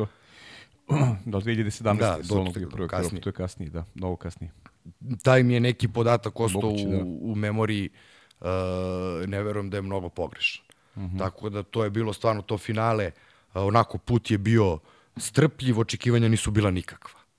Dakle, ja u, ni u jednom momentu nisam kao dobio bilo kakvu instrukciju da se bilo šta očekuje, da, Da, da, da. je, ne znam, bilo šta... Da je pritisak neki. Ma, ne pritisak, nego prosto kao to je to, a bio nam je cilj polufinale u, u, u prvenstvu. I da je to išlo nekim svojim onako tokom prirodnim, gde je ekipa rasla, gde je u finalu pobeđena ekipa koja je sigurno kvalitetnija od nas.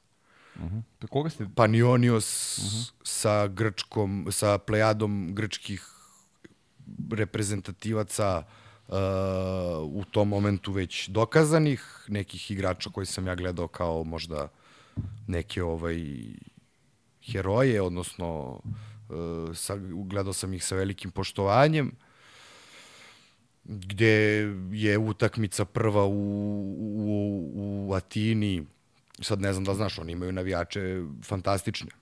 Nisam Pa ni oni su navijači sa futbala dolaze na, na bazen. I ajde, imao sam priliku da se pre toga susretnem sa svim tim, gde smo mi u 2005. smo u Partiza, sa Partizanom igrali finale Len Kupa, pardon, polufinale Len Kupa protiv uh, Panionios. Panionios. Gde je isto bila prva utakmica tamo i gde su navijači, onako, to je bazen prilično je, kako se zove, Akustičan, da. nizak i akustičan je, od lima je nekog, znači to puca sve. Da je to nisko, da, znaš, je stvarno, stvarno jedna uh, uh, topla, ono, vruć teren, što se kaže, gde se sećam da smo mi došli na zagrevanje, recimo, sat i po, sat i 40, ono, regularno pred utakmicu, da je već bilo puno i da je bila pesma, da je to grmelo, tu možda može da stane hiljadu, hiljadu i po ljudi, nemam pojma, ako i toliko. Ovaj, gde smo mi onako malo tu tražili sebe, dobro igrali u odbrani prilično i uh, mo, moram da kažem da smo imali strahovito puno sreće. Znači, postigli smo pogodak taj, izgubili smo dva razlike, 8-6, postigli smo gol za 8-6, dakle 8-5 je bilo, u posljednjoj sekundi utakmice parabolu sa pola terena. Uf, Repasu koji je, mislim, represivni golom bio, da. pa status legende u, u, u tom momentu. Ovaj, došli smo u Segedinu revanš, gde je u Segedinu praktično se igralo tad pod balonom. Ja ne znam koliko je ljudi bilo. Znaš, nije to neki vruć teren, nije to neka publika, znaš, Segedin u, ok- u okviru tog uh, sportskog centra, tu se više ne igra vaterpolo, napravili su novi bazen. ovaj, bio sam na ovom bazenu, Ali moj bazen je stvarno ako si bio na starom, znaš, Nisam, on je u, na novom znaš da igra uh, rukomet gde se igra. Ako si tu, znači to ti je taj sport čarno, sport čarno kako se kaže, ovaj, taj sportski centar, gde je zimi balon, jel tako, to je ono, dva reda imaš onih tribina, gde su oni tu postavili stolice, gde su ono, sudije hodale ne znam kuda po, po, ovaj, po samoj ivici i gde smo mi igrali onako prilično dobro, gde se treća četvrtina završila, smo, vodili smo četiri razlike. Dakle, imali smo još dva preko, gde je bio, bukvalno je već počela tu fešta i šta ja znam, onako malo, malo prebrzo, gde se završava četvrta četvrtina plus dva. Odlazimo u, u produžetke. Tako je. U produžecima ovaj, e, bilo je tako regularni deo, nerešeno dva po tri, nerešeno dva produžetka po tri minuta, e, nerešeno penali. I prvi produže kao, aj dobro, sad tu smo imali, izgubili smo momentum, jel tako, oni su se niš čega vratili, ono iskusna ekipa, strpljiva, klasična grčka ekipa, onako, mislim da nisu, nisu stranci imali ni jednog, bez stranca. Grci, plejada, znači dva centra, Vlontakis, Mur, uh, Murikis kao mlad, uh -huh. Murikisa, znaš, Vlontakis ne, je da. isto legenda, Tomakos, legenda, golmana sam ti rekao, Mazis, Kokinakis koji je igrao fantastično tu utakmicu, stvarno, stvarno ovaj, onako, ljut protivnik, kompaktan, strpljiv, znači ono, stvarno, stvarno dobro, dva razlike za nas, počinje produžetak, primamo dva gola. Nerešen. Primamo dva gola, ne reš, treba nam dva za penale, shvataš, znači 9-9. Počinje tu sad, tre, tu, ja jedini put u životu da sam se osjetio kao da sam pomislio da je nešto gotovo, Gotovo, znaš, aha. ono, imamo mi svi taj, znaš, tako smo dresirani, imamo to i kad gubiš ti Mhm. ćeš svakako svaki pedalj da osvojiš, pa će ti se vratiti kad bude najvažnije, to je kao taj neki naš ovaj pristup, međutim, nema, nemoć. I ovaj, ulazi kapiten te ekipe koji je onako jedan specifičan, specifičan igrač, specifičan lik koji je onako bio malo cele te sezone onako sa Zolijem uh, u nekom uh, nategnutijem odnosu, nije više imao ulogu tu koju je imao uh, do tada koji ulazi čovek onako iz nekog Bes. ne besa, nego, znaš, igrač bez kontinuiteta, bez samopouzdanja, bez, uh -huh. znaš, rutine. Dajemo jedan gol, kao ajde, znaš, idemo, odmah napad primamo gol. Minut i po do kraja. Znači, nerešeno je tačnije dva za njih. Uh -huh. I ovaj, postiže jedan gol on, ko je dao drugi, ne znam, na njegovo isključenje, postiže on i, i taj poslednji gol, penali i dobijamo na, pena, na penale stvarno fantastična jedna energija, prvi evropski trofej onako koji mi je uh -huh. stvarno ovaj, ostao urezan duboko. Ti šutirao penal. Jes, prvi, to je uf. Sveća se rekao se ja ću prvi jer je odma. Uh -huh. Znaš, uh, nije sad bio problem ni peti, ni koji, ni ovo, ni ono, nego to mi je, znaš, bilo. A i da se, znaš, odgovornost je prvi Jest, da otvoriš, jest, da otvoriš ovaj seriju, pogotovo u odnosu na golmana. Hajde sad baš da ne detaljišemo puno. I sećam se da sam čekao nešto, da je nešto bilo čekanje, da je sudija nešto nameštao, da je bilo, da li, ne znam, A, dodatna publika, da li nešto, da se ja tu loptu vrteo baš dosta dugo, da se jedva je ušla u, u gol i postigli smo mi sve. Oni su ovaj promašili jedan, naravno igrač koji je dominirao i igrao najbolju utakmicu u, ovaj, u regularnom delu je promašio kod njih i, Klasika. i osta smo sa trofejem. Bravo. Super, lepa priča. Eto. Daj, mi, daj, daj nam Vladu drugo pitanje. Ćao svima, veliki pozdrav mom prijatelju Voji Čupiću, kao i tebi Pajo, o, i želim vam jednu lepu, interesantnu emisiju i da što duže traje, da čujemo što interesantniji, uh, interesantnih vaterpolo priča i tema. A uh, za Voju imam dva pitanja. Prvo je, pošto je sad već neko vreme ovaj, uspešan vaterpolo trener, da izanalizira e, svoje treninge kad je bio igrač u, u, u zemljama u kojima je nastupao. Italija, e, Turska, Mađarska, e, Rumunija i, i Srbija naravno i tako dalje. Ka, kako mu sad to izgleda iz trenerskog ugla i da uporedi kako mu je to tad izgledalo iz igračkog ugla. A drugo pitanje je, a, verujem da će se setiti, a, utorka, plivanja utorkom u malom bazenu. Da nam malo ispriča više o tome, to je jedna interesantna anegdota i priča. Još jednom pozdrav svima i, i želim a, uspešnu i dobru emisiju. Hvala Mare puno. Veliki pozdrav za Avru. Da analiziram ovako dobro se poznajemo, dobro se poznajemo i e, siguran sam da se odnosilo na kondicioni deo treninga, uh -huh, tako? Uh -huh. Ovaj u odnosu na to kad sam igrao, u odnosu od onoga uh, što sad radim. Pa znate kako, ovaj pomenuo sam, pomenuo sam na početku. Mislim da je taj e, kondicioni deo pripreme uh, značajno uznapredovo i da neke stvari koje uh, koje si za koje su ti bile za koje je si imao znači trebalo ti je mnogo više vremena ranije možeš da ih uradiš za kraće i ovaj uh, fokusiraš se na neki taj deo tehničke tehničke odbuke pre svega. Tako da ono, što se tiče tih nekih treninga u, u juniorskim danima, odnosno u tim danima mlađih selekcija, što se nas konkretno tiče, mislim, to je bilo stvarno surovo. To je bilo ovaj, bez pardona i, i plivalo se dosta. Plivalo se dosta, stvarno, više nego sad u kvantitativnom smislu, tako da mm, eto, pokušao sam da malo ne previše filozofiram, a približim ovaj to na, na, na, a drugo pitanje je bilo? A drugo pitanje je bilo da... Mali bazen. Da, Aha, mali utora, bazen. ja, da, da se nadovežemo no, da. Pa, znaš kako, to je svakako jedno onako bolno iskustvo koje je trajalo, koje je trajalo ovaj, vidio si da ima taj tu učestalost utorkom u malom Utorkom, bazenu, nije, na- nije se odnosilo na jedan utorak.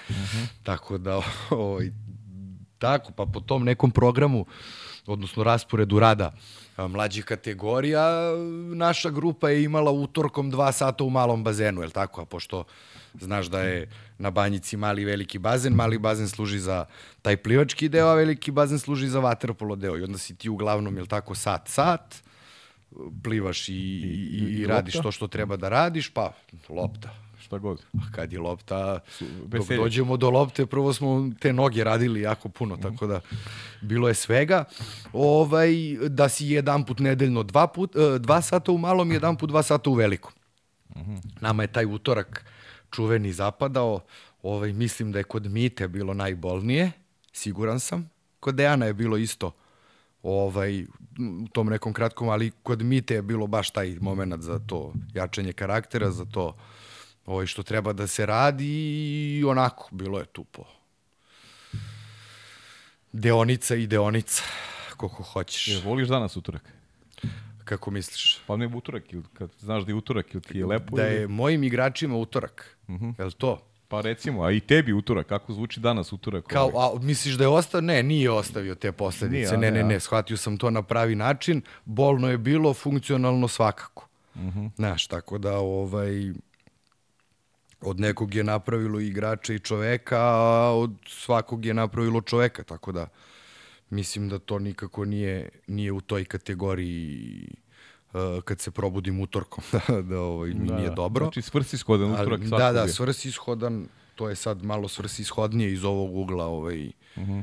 nego dok sam bio igrač, ali svakako strahovito naporno. Nije za svakog. Pa zato je valjda i postao. nije znaš. bilo za svakog. Zato i postao da, da napravi razliku. Ovaj. Nije bilo ovaj, pardona. Nije bilo pardona, nije bilo popuštanja, nije bilo rupe uh -huh. gde možeš da se provučeš. Jel imaš ti danas te utorke ovaj, svojim ovim Pa ima svega. Ima, a? Ima svega. Možda nije utorak, ali... Pa nije utorak, bilo je svega. Uh Mhm. -huh. A i bit će, hvala Bogu, šta? Pa dobro, da. I treba da bude, Tako. slažem se. Ovaj, ima, bude tu. Tu je vakcinacija, znaš. Šta to Znači. znači? Kaže vakcinacija, pa to ti je kad dobiješ vakcinu, ti ne možeš da budeš zaražen neko vreme, jel tako? Dobro. Mhm.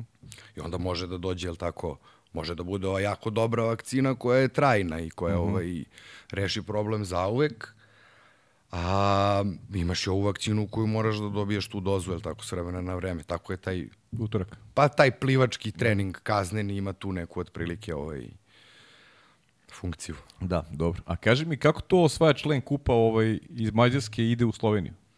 Ali nije, nisam otišao u Sloveniju. U Slo, znaš kako, a, a, vratio sam se u zemlju.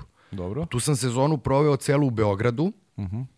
Dakle, onako, bilo je tu neke priče sa Partizanom. Ja sam u tom momentu uh, raskinuo ugovor, platio sam obeštećenje uh, potpisavši za Segedin, dakle nisam više bio vezan ugovorom, pošto sam bio na pozemici u, u ovaj, uh, Galatasaraju. Dakle, imao sam slobodu, Uh, međutim, nisam iskreno uh, nešto bio vičan na tržištu nikad. Uh, niti sam onako to leto baš najbolje moguće shvatio što se tiče toga. Uh, nisam hteo da idem bilo gde. Imao sam nekih ponuda koje sam procenio da mi nisu ovaj, bile previše interesantne. Uh, završio sam u Beogradu. Onako, to je bila jedna zdrava priča sigurno ono nekoliko možda koraka, da kažemo, ispod, ali je bilo talentovanih klinaca uh -huh. u tom nekom programu i ispostavilo se kasnije i reprezentativac i olimpijskih šampiona i, i, ovaj, i dobrih klubskih igrača. Tako da i ta sezona je bila lepa i uspešna. ja sam se tu vratio u, takođe je bio, bio je rezon uh, da se i taj fakultet na neki način malo uh, pogleda bolje i pedantnije, da se tu odradi što se može, tako, pošto te univerzitetske obaveze su, se poklapaju sa tim početcima priprema, krajevima sezona i tako dalje, ili, ajde, leti man, manje više tih nekih prvih tih obaveza ovaj, letnjih, gde je tako, to sam iskoristio malo na taj način, ispostavio stvarno lepa sezona, uh, sezonu je počeo uh, Mimi, Miodrag Mirović kao trener, koji je u, u jednom momentu, čak vrlo brzo, možda posle nekoliko kola, e, pronašao angažman u Grčkoj, ako se ne varam je otišao, Strugar nam je došao kao ovaj, e, njegova zamena, e, nismo imali nikakvu mogućnost da se takmičimo u Evropi, uh, u odnosu na, na tu na poziciju od prethodne sezone. Uh, koncept je bio, odnosno uh, liga je bila tako sa Partizanom koji je bio izuzetno dominantan u tim godinama i, i ovaj na u Zenitu tog mm -hmm. perioda, je tako, uh, što je krunisano, je tako, godinu dana kasnije osvajanjem, a Vojvodina koja je bila vrlo interesantna, učesnik Lige šampiona, onako uh, jedan miks mladih igrača koji su već tu onako poprilično kucali na, seniorska, na vrata seniorske selekcije. I tako, mi smo ovaj, imali za cilj da se prosto ekipa podiže, da se ti klinci Mislim, ja sam bio klinac na kraju dana, imao sam 22 godine, imao sam možda tu neku kao kapitensku ulogu, kao neko ko je do tada nešto prošao, ali ovaj, svakako sam ja bio onako umereno iskusan i, i mlad. Uh mhm. -huh. ovaj, na kraju dana i moram da kažem da je, da je sezona bila i uspešna i rezultatski vrlo uspešna, smo završili treći, uh, u to vreme je Niš imao ekipu sačinjenu od... Ja, sa uh, ne, ne, ne, ne, ne, kasnije, jo. Kasnije, ne, ne, ne, ne, kasnije, kasnije. A, ne, da, da, da, sa Nenom je bilo sa Nenom je bilo ono sa, da, da, sa, da. sa Žiletom, da i sa... Tako je, ne, ne, ne, ne, ne, ovo je kasnije, bili, bio je to skup iskusnih igrača uh, koji su tu dovedeni da se napravi neki rezultat, da se pokuša da se napadne uh, to neko mesto koje vodi u Evropu, odnosno što bolje mesto da ta priča ovaj, onako dobije dobije neki, ono, neki napredak, međutim, tako, to je krenulo uh, korak po korak, na kraju smo uspeli njih da, da ovaj, nadjačamo u tom nekom uh, nadmetanju za treće mesto, uh, ti igrači su polako počeli da stasavaju, uh, prvi put se susreli možda sa tom nekom seniorskom pričom u određenoj meri, to su tako, znaš, braća Rašović, Ubović, ovaj, i, i, i tako dalje. Tako da, eto, pozitivno iskustvo, isto dobar trening, dobar trening, uh, pogotovo, znači imao sam stvarno sreću u tim godinama gde sam, evo, sad sam naveo dve, gde sam možda malo sa nivom išao, išao dole, da sam stvarno taj kondicioni deo ovaj, dobro radio. Imao sam tu sreću i pomoć i tako dalje, da, da i to je na kraju dana možda i nekoj toj doprinelo ovaj, toj, toj nekoj dužini profesionalizma. Mm. Dobro, ali posle Beograda onda ide... E, jeste, da, znači na kraju te sezone praktično završen je taj playoff u recimo aprilu mesecu. Ja sam na, e, nastupao uh, u play-offu te sezone za slovenački mhm. kopar. Mm -hmm gde je to bilo uh, mesec i po dana posla, čini mi se. Neki taj možda završni deo ligaškog dela plus play-off, uh, gde je razlika u kvalitetu stvarno bila velika između Kopra i, i ostatka uh, zemlje, pogotovo u tom nekom prvom delu i tamo smo se dogovorili na još dvogodišnju saradnju Tako da eto, to je bio početak zapravo još jedne, da kažemo, malo, malo duže i lepše priče. Da, ono što je interesantno za Kopar, to je činjeni se da si tamo radio sa još jednom legendom. Ovaj, bio ti trener Veselin Đuković. Jeste, jeste, Veselin Imao si kroz Đuho. karijeru baš onako... Imao sam sreću, uh, imao sam sreću, uglavnom, a na kraju karijere sam možda malo i naginjao u tom nekom smeru da uh, pokušam da sebi omogućim tako nekakvu situaciju koju, bi mogao da, koju bih mogao da naučim nešto od, od određenog trenera, je tako? Mm -hmm. Tako da je možda i to bio neki faktor u izboru klubova. Iskupio si zanat u neku Tako je, na kraju, na kraju karijere,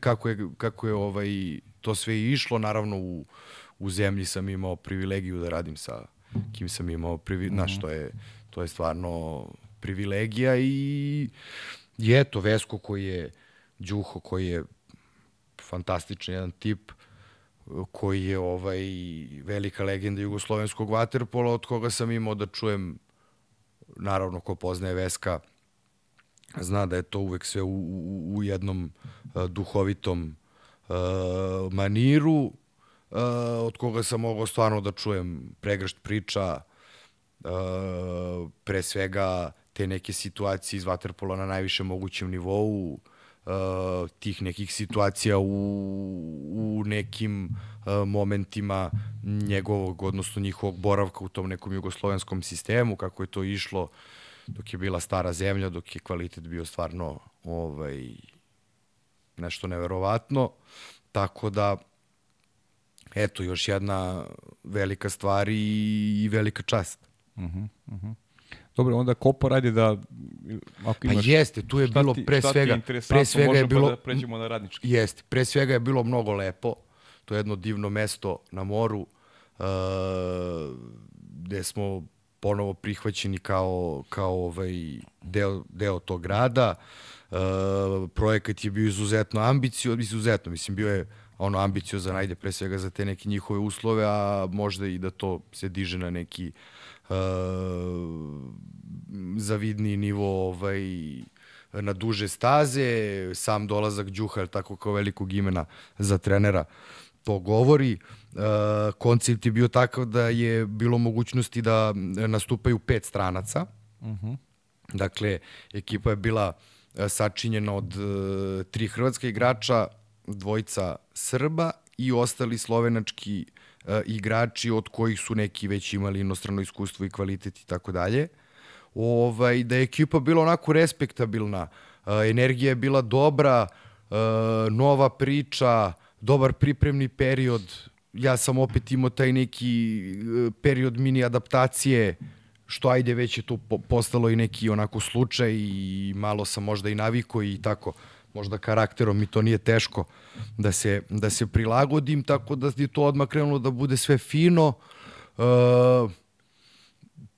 to je opet ovo što smo, čega smo se malo dotakli, znači e, otprilike se ta neka ta profesionalna priča se vodi ovaj deli se na neke dve na neka dva dela u tom prvom delu sezone uh, igraš u Evropi, igraš Jadransku ligu, Jadranska liga koja je u tom momentu bila sa vrlo jakim crnogorskim ekipama, Primorac, Budva i, i, i Jadran Herceg Novi, Kataro, Uh, koji je nakon nas, jel tako, ovo u Segedinu što smo pričali, naredne sezone je bio ovaj, osvajač Len Kupa, tako da ovaj, uh, jedno lepo iskustvo, visok nivo Waterpolo, Jadranska liga, tri, tri, tri veoma jaka hrvatska uh, protivnika uh, uz još koliko ih je bilo sa troje, tro, tri ili četiri uh, onako ekipe pristojnog nivoa, Hrvatske, uh, Crnogorci, gde smo mi tu negde tražili svoje mesto u play-offu, uh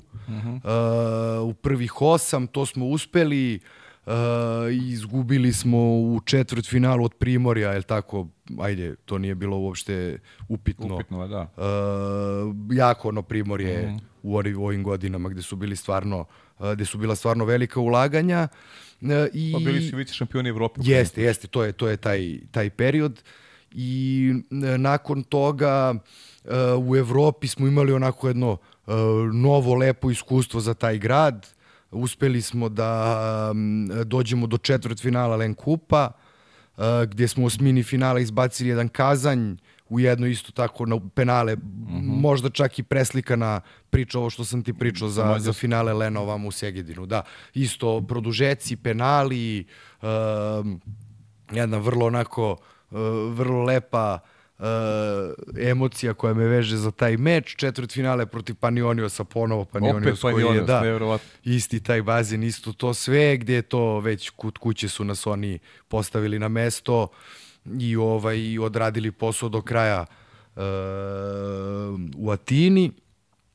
Međutim, e, cela ta priča je bila kratkog daha zato što se to potre, e, poklopilo se sa tom svetskom ekonomskom krizom koja je u tom momentu, je tako, u početku zahvatala i Sloveniju. E, veoma jak udarac je preživeo taj naš glavni sponsor, e, koji je u jednom momentu nestao. Ti ljudi koji su oko kluba još bili u, u celoj toj priči, možda odgovorni za taj neki deo, uh, isto su, su, su se sklonili.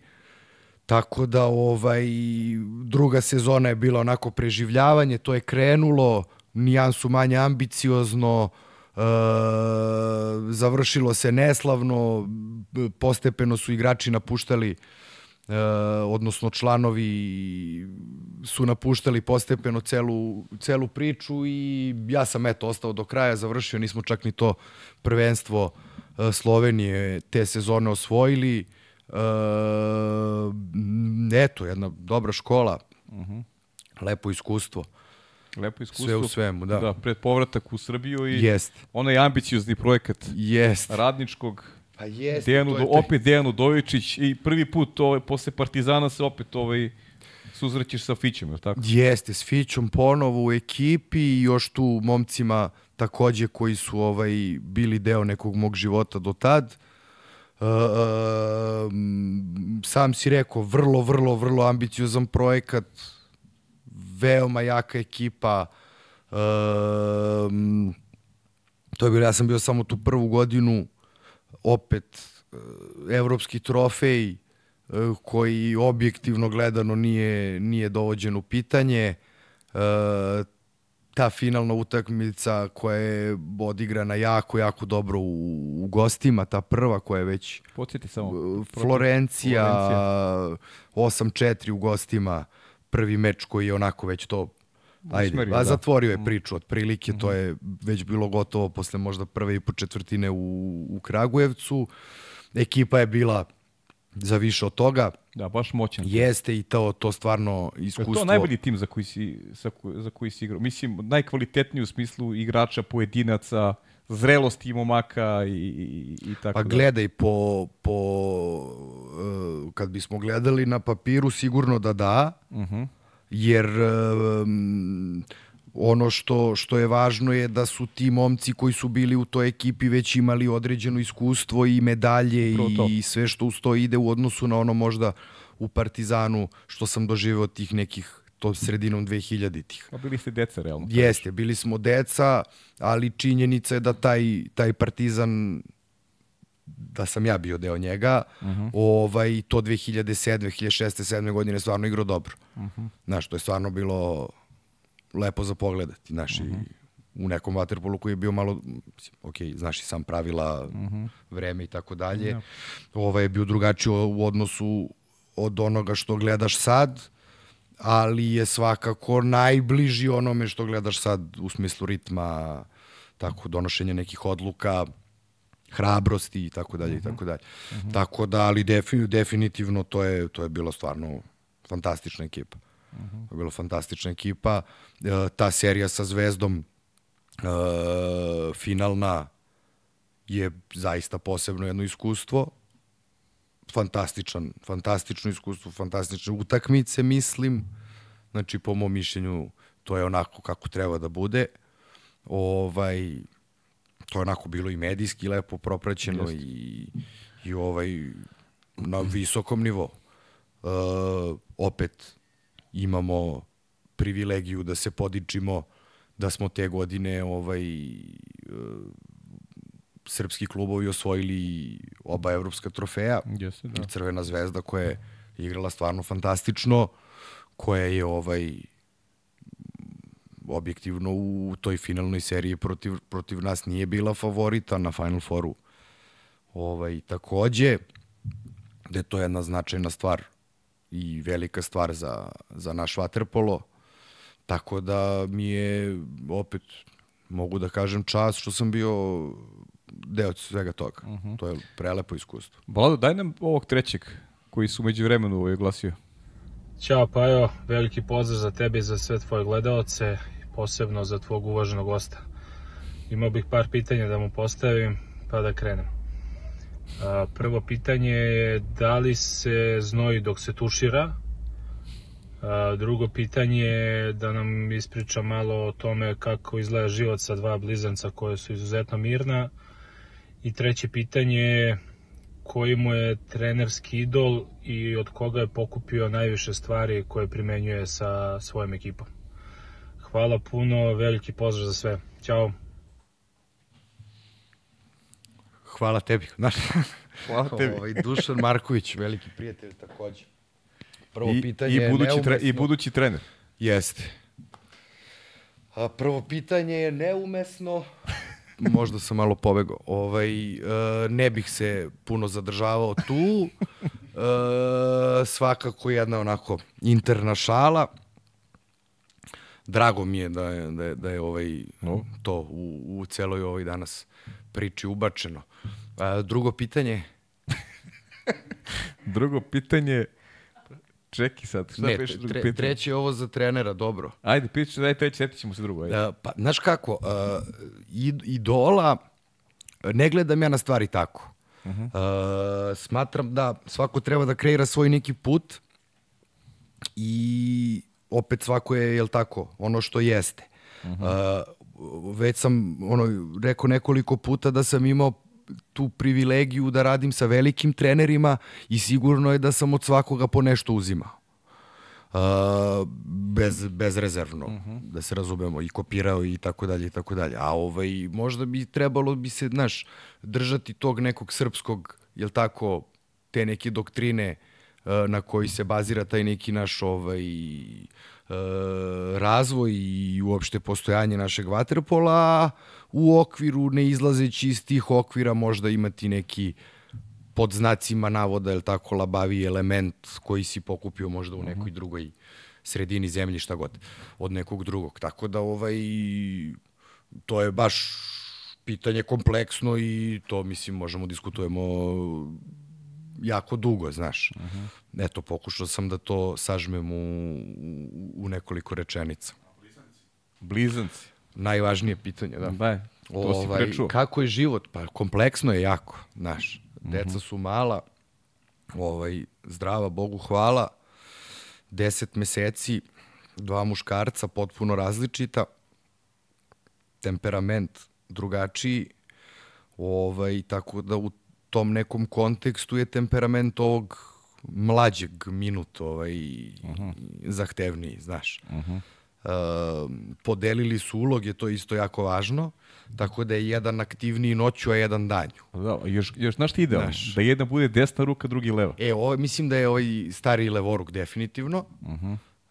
Mislim da je, znaš... Kakav benefit za srpski ne znam, u najavi. da, u najavi. Još samo da... I kad, bi, kad bi na neki način još jedno 15 cm više od oca imao, i bilo bi, bilo bi perfektno.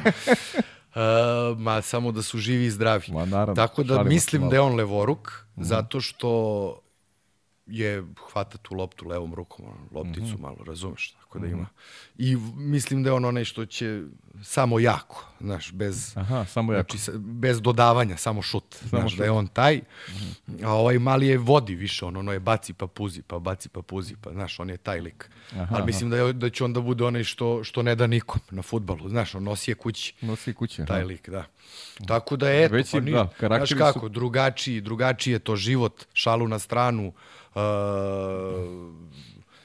ono što kažu, što si spavo, spavo si ne u smislu za, zapravo fizički, nego to onako već ti gledaš to drugim očima, kao jedinka postaješ ovaj, ne sekundaran, nego ono, na nekom uh, poslednjem mestu na toj nekoj listi važnosti.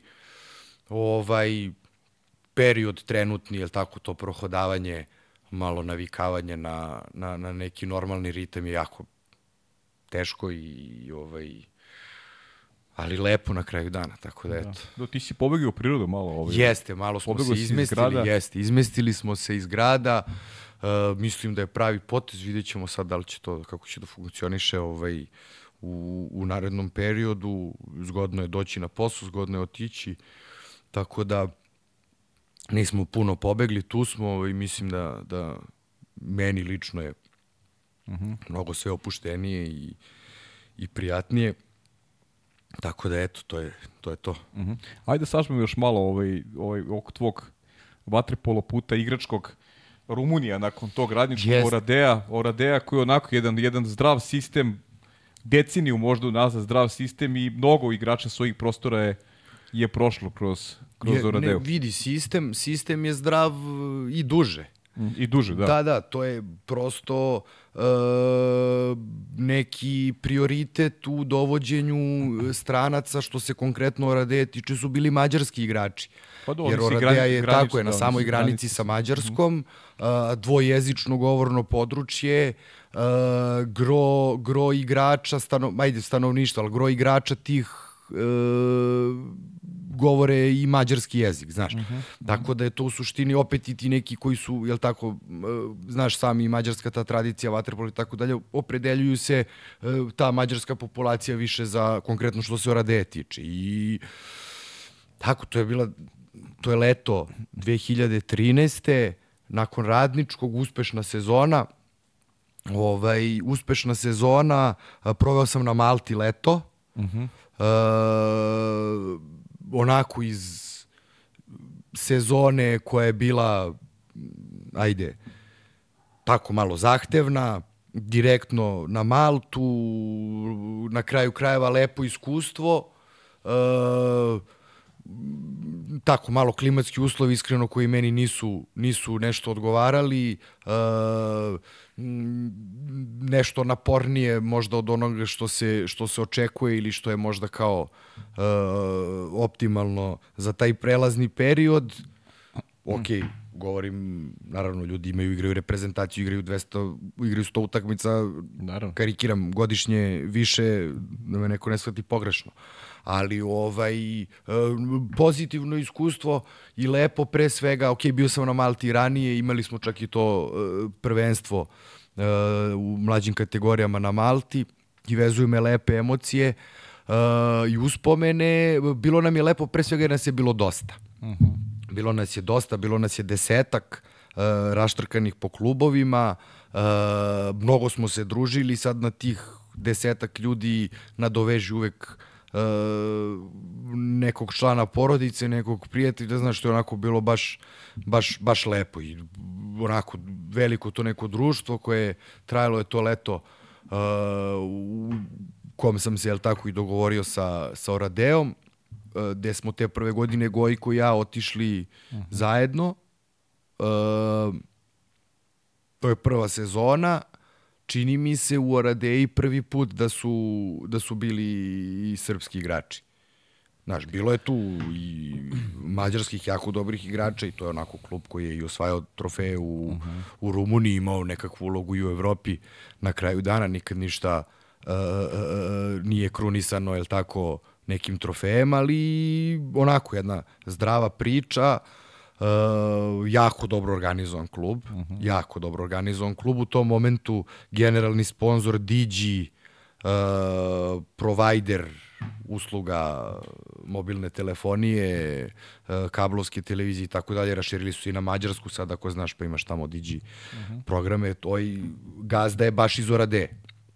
On je bio generalni sponsor, Digi je ta postala, postoji dalje televizija, ala ovaj, neka od naših sportskih uh -huh. televizija, ali tako, uh, sa svojim dijapazonom kanala koji nudi usluga, uh, to je sve funkcionisalo besprekorno, ekipa uh, sačinjena, tako, prve godine smo od nas dvojica bili stranci, uh, plus dobar deo rumunskih reprezentativaca koji su onako vrlo dobri klubski igrači, po mom mišljenju, pogotovo određeni uh, igrači od njih.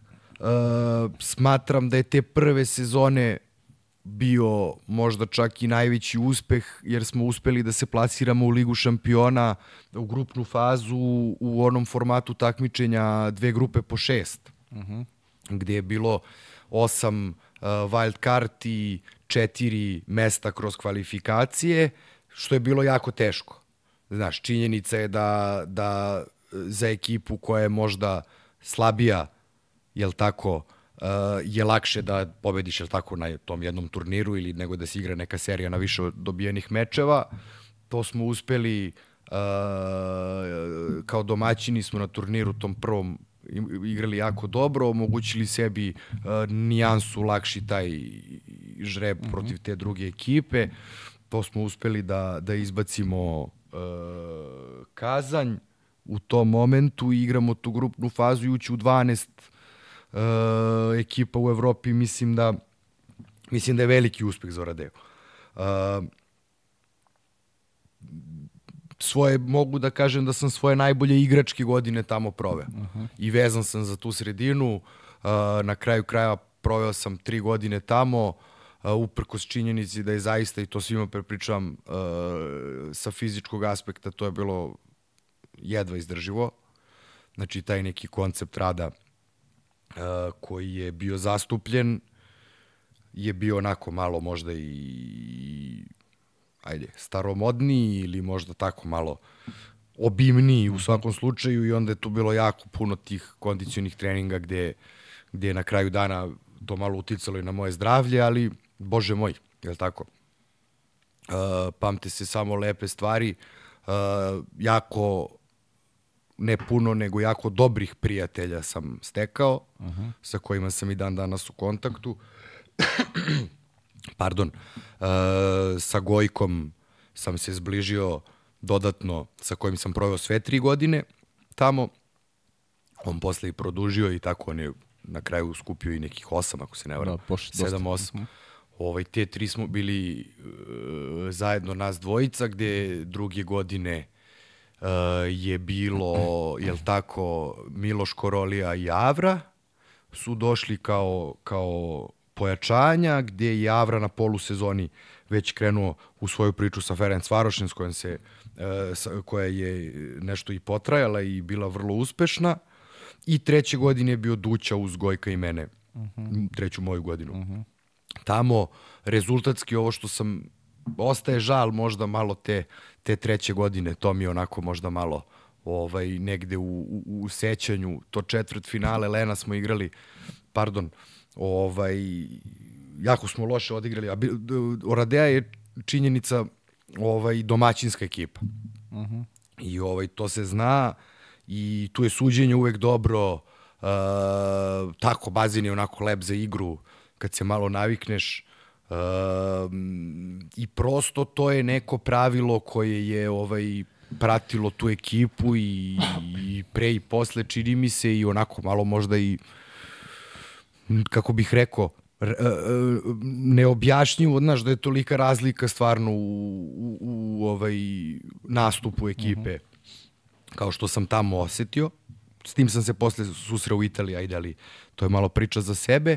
Ovaj, Uh, to da ako smo slabo odigrali u gostima, imali smo tu neki peh, izgubili smo, pa smo to stigli, pa smo promašili ovaj, bukvalno poslednji igrač više smo promašili za, da su bili penali, čini mi se odmah. Tako da tu mi malo ostaje, da smo igrali to polufinale, posle, znaš, uz taj neki uh, koncept jako dobrih, jako neugodnog uh, domaćinstva, taj Len Kup može da, znaš, ode uh -huh, u, uh -huh. u, u oba smera. Uh -huh. Tako da to je to u suštini za te tri godine uh, dve titule, dva kupa, to je bilo, čini mi se, do te da je bila deveta u nizu, ta druga, posle smo, poslednje te godine, ovaj, mm. moje tamo, smo izgubili tu finalnu seriju 3-2 od Steaue, koja je već tad bila onako veoma, veoma, veoma ozbiljna. Uh, prve dve, prve godine nije bilo problema uopšte, druge sezone finale je bilo glatko, ali jako, jako uh, teško zarađeno uz tu neku kompleksnu situaciju da je bio promenjen trener, da, da se ekipa tako malo nešto tražila čitave te godine i da je na kraju to sve, hvala Bogu, kulminiralo u finalu, uh, gde je bilo dominantno, ovaj, eto, mislim da sam svoj najbolji vaterpolo igrao tamo. Uh, tako uprko stoje možda činjenici, eto, te kondicione pripreme, ovaj, stvarno, stvarno prelepo iskustvo. Mm -hmm. I onda iz Evo ti jedna anegdota. ili Ajde, može? Iz Rumunije. Super. Slušaj ovo. Uh, prva godina. I sad rekao sam ti da sam došao sa Malte, Dobro. pošto sezona na Malti se završava samim krajem uh, avgusta ili, ajde, prvi, 1. septembra otprilike, gde je uh, svakako u Rumuniji je moda da se te pripreme uoči prvenstva počinju prilično rano. Dobro. Tako da je to uvek neki onako mogu da se izrazim i, i, i sulud datum i termin ovaj okupljanja. Ako nemaš obaveze sa reprezentacijom, je tako, možeš da budeš u problemu. I ovaj, ja sam bio na Malti, stigao sam na neku treću, treću nedelju možda pripremu, oni su tu već uveliko krenuli da gaze, a ja sam stigao na, na, na tu neku treću, četvrtu nedelju priprema i dolazim tu, radim trening, uh, završava se trening, slačionica je ovaj bila iz dva dela, dakle hodnik i jedna veća, ve- jedan veći deo gde je možda moglo da, da se presvuče recimo desetak igrača, mi smo bili u ovom drugom delu manjem, uh, gde smo bili nas petorica recimo. Dobro. I sad Gojko i ja naravno u, toj, u tom delu, trening je završen, procedura upoznavanja i tako dalje, ovaj neki tu mojke već znaš. To je sve prošlo i preslačimo se, preslačimo se i Gojko ja nešto pričamo. Na srpskom. Svoje. I ovaj, pričamo, pričamo, pričamo. Ništa, tu nešto kao... Nisam ja ni primetio da su ovi nešto promenili raspoloženje, znaš.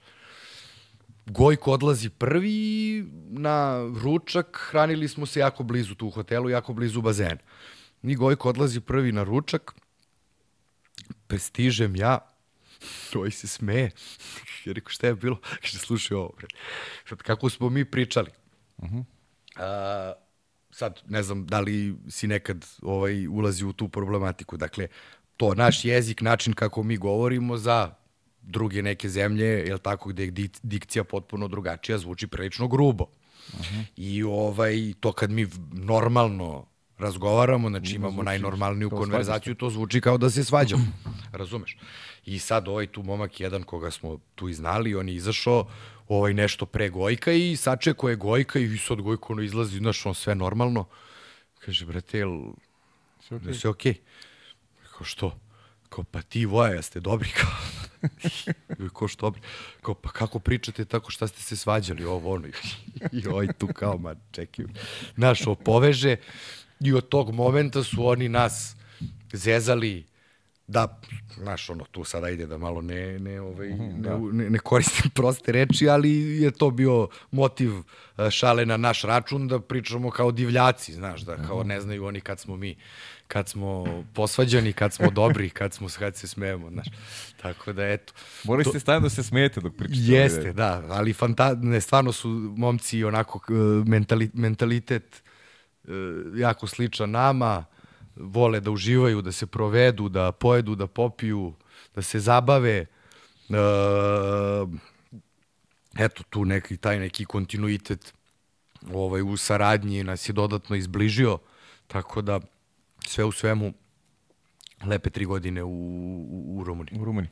A, pričao si o tom koliko si imao, da kažem, i taj neki zašto govoriš o, o, o, o temi trenera, koliko je kompleksno. Evo, radio si na više lokacija sa, sa dobrim trenerima, imao si u Italiji neku sličnu priču i sa, radio si sa Pinom Porcijom, radio si sa Alessandro Calcaterom i, i tu si mogao negde, ajde da, da spoznaš i te neke, nazovi čari i, i te italijanske ovaj, uh, vaterpolo priče. Pa kako ti je taj period u Italiji? To ti je ujedno bio i posljednji period karijere vezan za inostranstvo, pe onog povratka u Novi Beograd i, i okončanja karijere.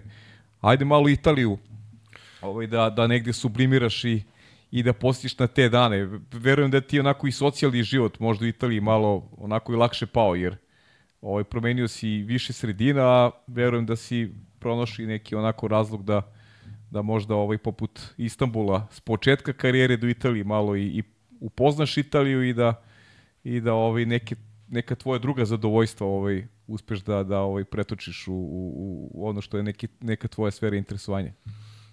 Jeste, ovaj baš kao što si rekao, taj period u Italiji uh, bih uh, kategorisao svakako kao, kao kraj karijere. Uh -huh. Dakle, to je taj neki poslednji deo gde uh, su pored tog nekog sportskog i, i finansijskog osnovnog dela motivacije uh, u priču su se uključile i neke druge stvari, pre svega uh, kao što smo rekli, je tako, uh, malo sa kojim trenerom ću da radim, a i ovde je bilo stvarno, ideja je bila da, da se malo i uživa. Uh, ono što je činjenica, već sam naglasio da sam se nakon te, tog perioda u Rumuniji, stvarno sam se fizički ovaj, uh, osjećao prilično loše i trebalo mi osveženje. Uh, Italija je, kako da kažem, pravo, pravo mesto bila za to.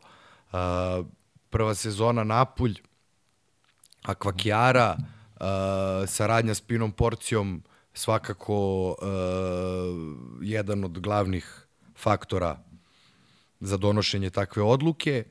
Uh, uprkos činjenici da uh, smo, sam bio svestan i više nego svestan da taj klub finansijski ne stoji baš najbolje, naprotiv, da ovaj je to onako poprilično uh, ono, nebrano grožđe, uh -huh.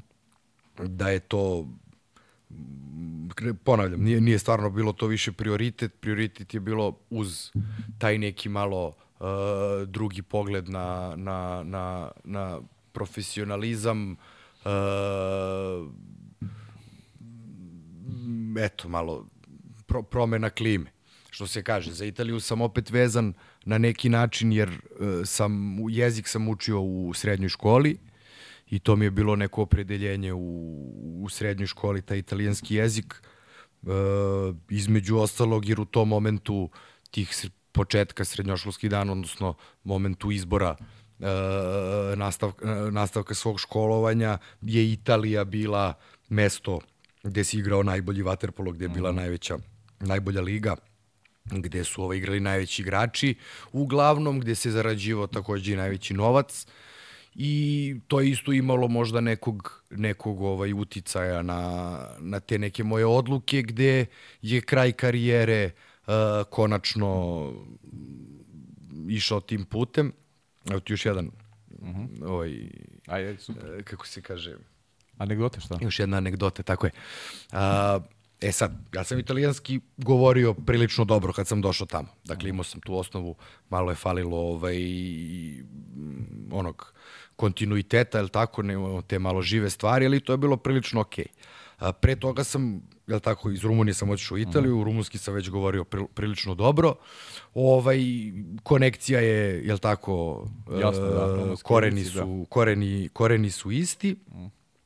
I prvo moje iskustvo u Italiji je Napolj gde sam ja tu, ok, sve sa, sa ljudima ispregovarao kako sam ispregovarao, dolazim, jel tako, tamo, prvi trening, odlazim, vraćam se, žena me čeka kući, ja rekao, rekao, ženo, ja ništa ne razumem. Jednu reč. E sad, ne znam da li znaš, Napulj je karakterističan po tom dijalektu, mm -hmm. možda si gledao i neke serije, da. ovaj, filmove, Uh, koji su ko, ko, koje na to ukazuju, znači to je potpuno drugi jezik. I volim da čitam, najviše volim da čitam napolitance, ove e, pisce, da znaš. Da. A jesi gledao Gomoru? Seriju? Gledao sam, naravno. Go, Gomora je sjajna. Ovaj, tako da, uh, uh, znaš gde sam ja došao, rekao, šta je ovo? I onda čekaj, stani polako, pa ulazi u, ok, možeš da uđeš u, u štos, možeš i da ga pričaš na kraju dana, Uh, svodi se na to da ovaj uglavnom pričaš italijanski, a slušaš mm. napolitanski ili on tako malo ubacuje, ti nemaš problem. Ovaj, tako da to je prva anegdota. Napulj, kao Napulj, takođe ova ispričana priča, uh -huh. da mnogo ne, ne, ne, ne preterujem ovaj nešto što su gledaoci mogli da čuju, da mo, mogli već da čuju, ali ovaj svakako fantastičan grad, savjetujem svakome da, da, da ode da ga vidi koliko god može, u kom god obliku, to je stvarno grad sa specifičnom energijom, sa specifičnim ljudima i ovaj preporučio bih svakom.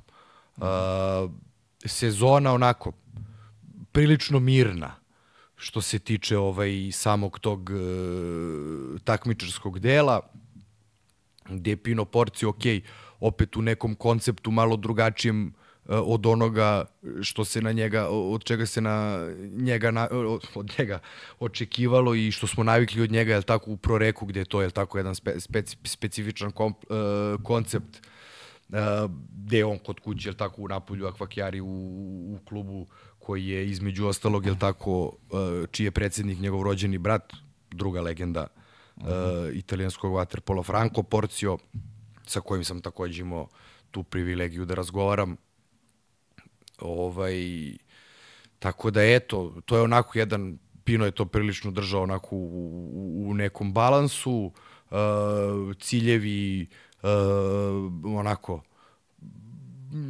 izvodljivi, ne specijalno nešto nerealni, uh, to što je bilo malo nerealno je trebalo da bude plaćeno više, to nismo uspeli, tako da na kraju dana ovaj moj taj proboj neki na, na italijansko tržište E, kako god to zvučalo za jednog igrača od 30 godina.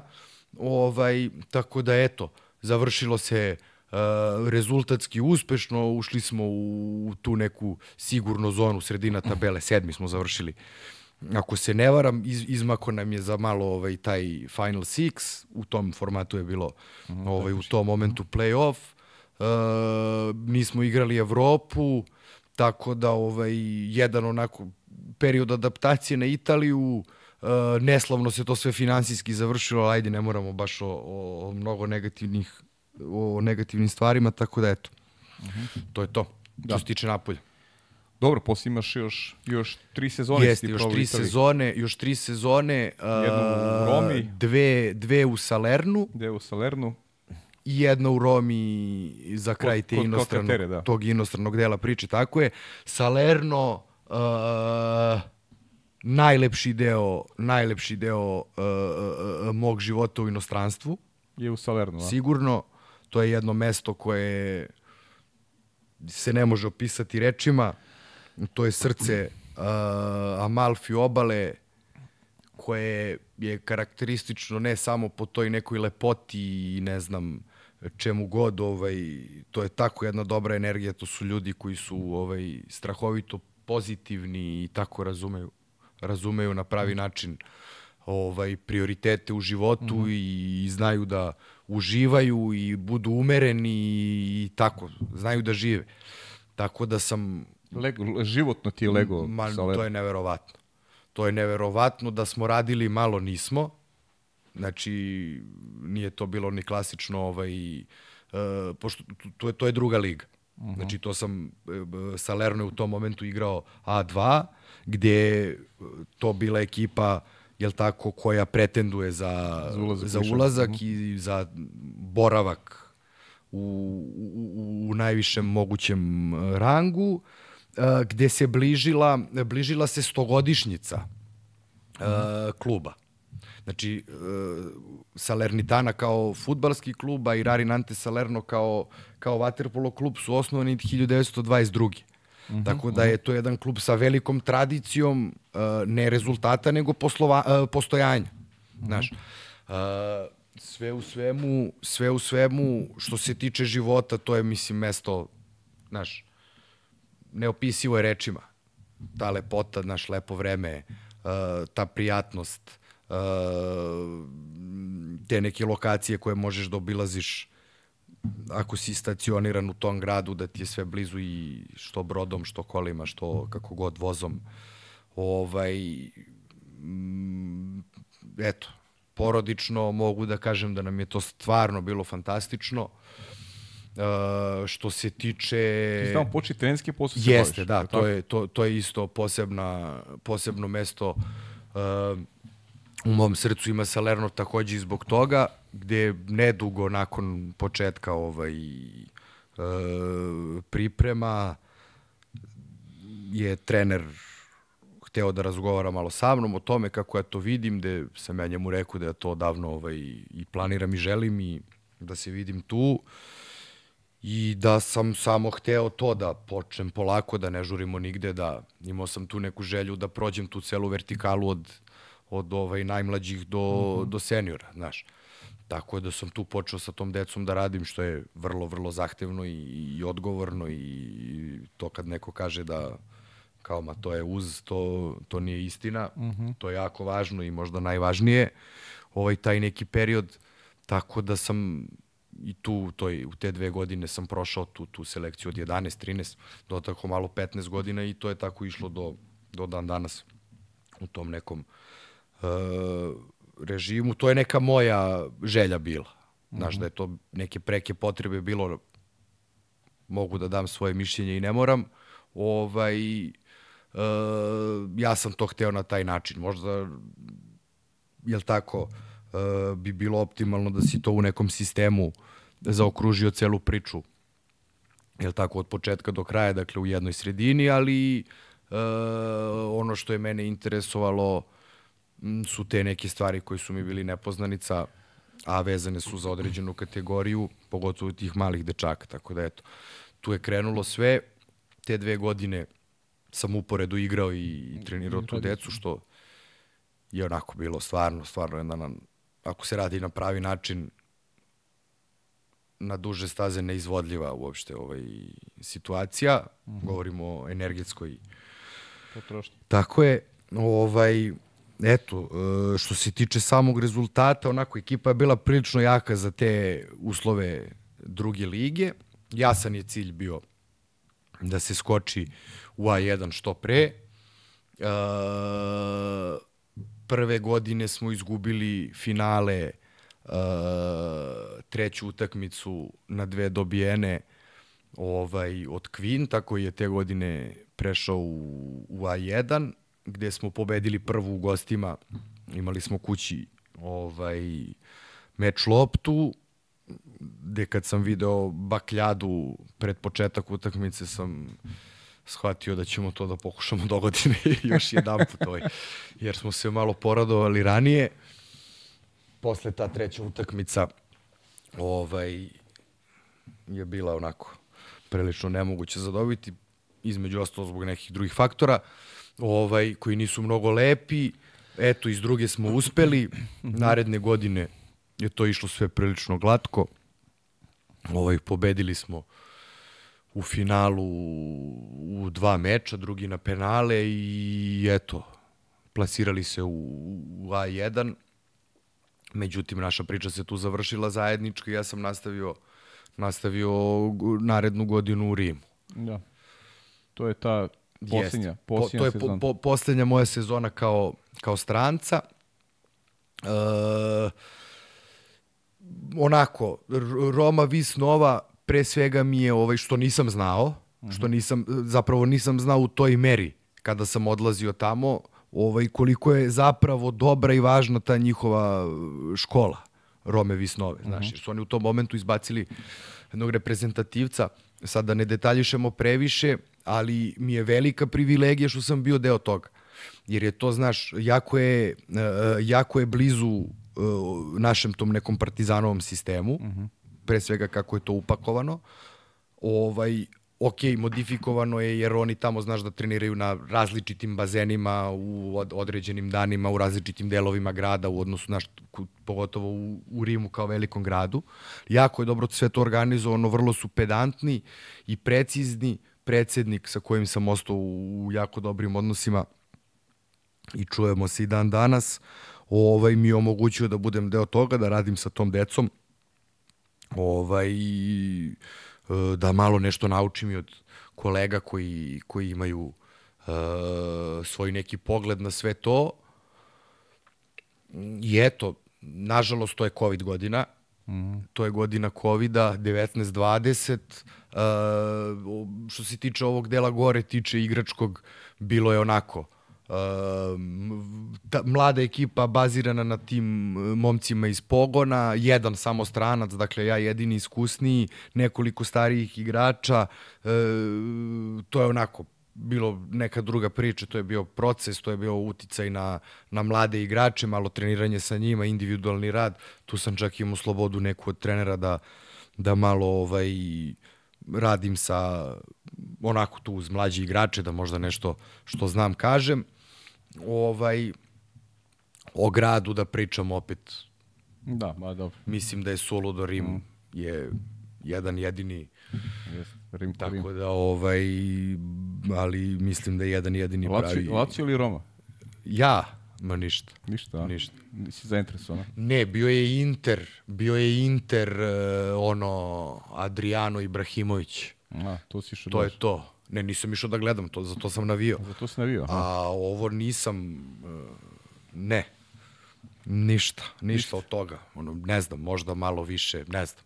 Nisam, nemam. Pa ne, znam da je Roma više gradski klub, tako da nemam. Nisam imao ovaj, taj već moment izbora, znaš, ne. Nije ti bilo važno. Majok.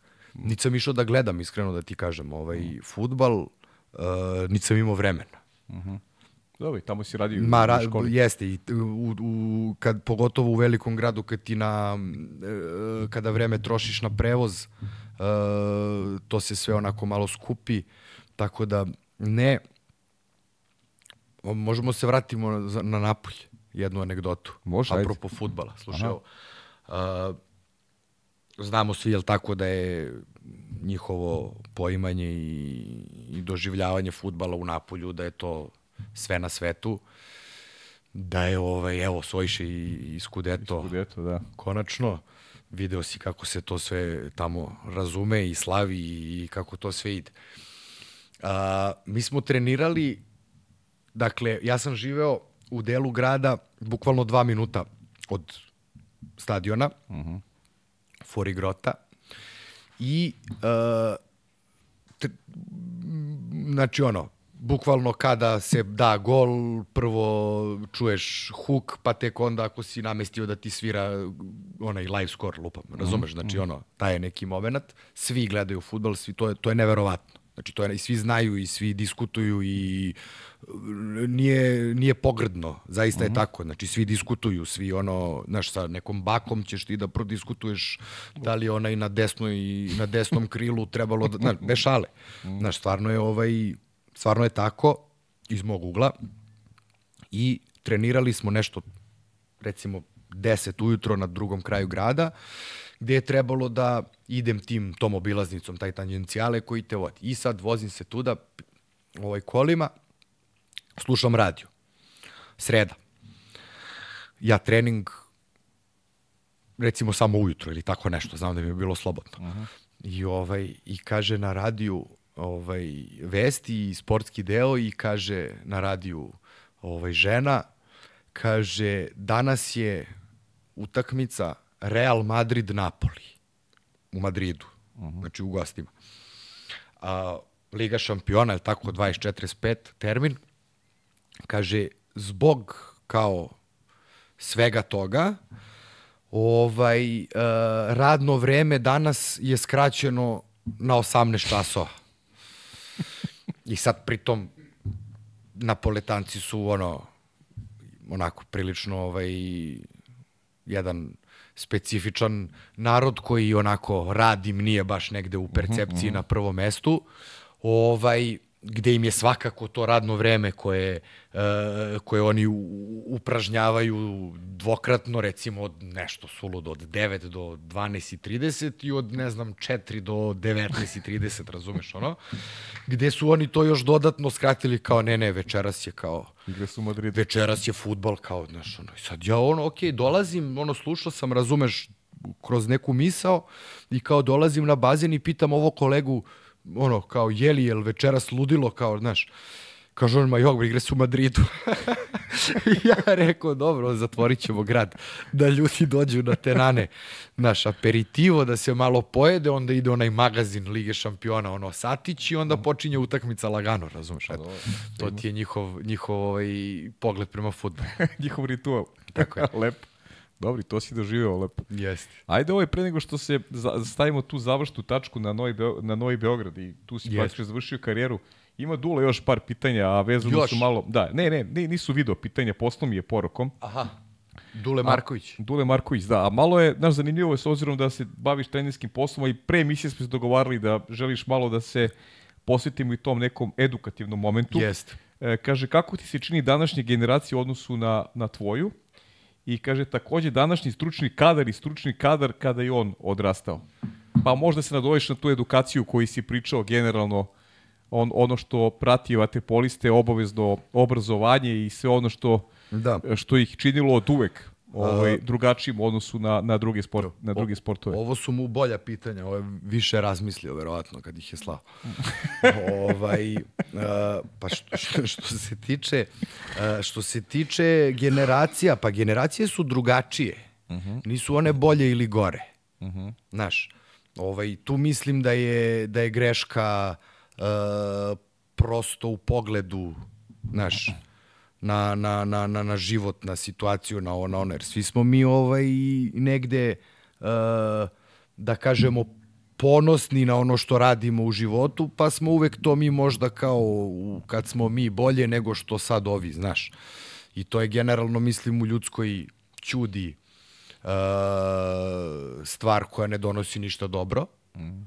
Da su deca, odnosno klinci, odnosno momci uh, nove generacije, da su prosto drugačiji, da je vreme drugačije i da je potrebno da li manje više isto, koliko god truda da se sve to razume i da se nešto što si možda u, u, u, u toj nekoj svojoj uh, u tom nekom periodu svog tog nekog odrastanja uh, ima tu stvari koje mogu da se primene, ima tu stvari koje mislim prosto naš vreme je drugačije, nije, nije moguće.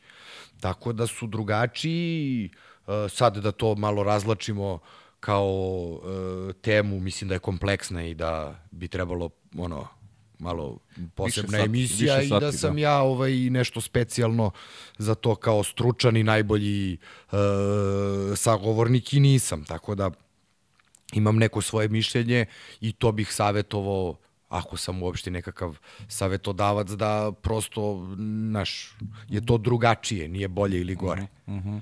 To. A stručni kadar? Pa stručni kadar, mislim da se nešto dešava sada. Znaš, zato što e, mislim da e, prosto e, ojačanom ligom srpskom, što je slučaj u poslednjih nekoliko godina, malo, um, imamo za šta da se uhvatimo. Znači, i ti momci su, um, dakle, klinci kojima, koji svoje uzore gledaju, ili tako, gledaju ih tu.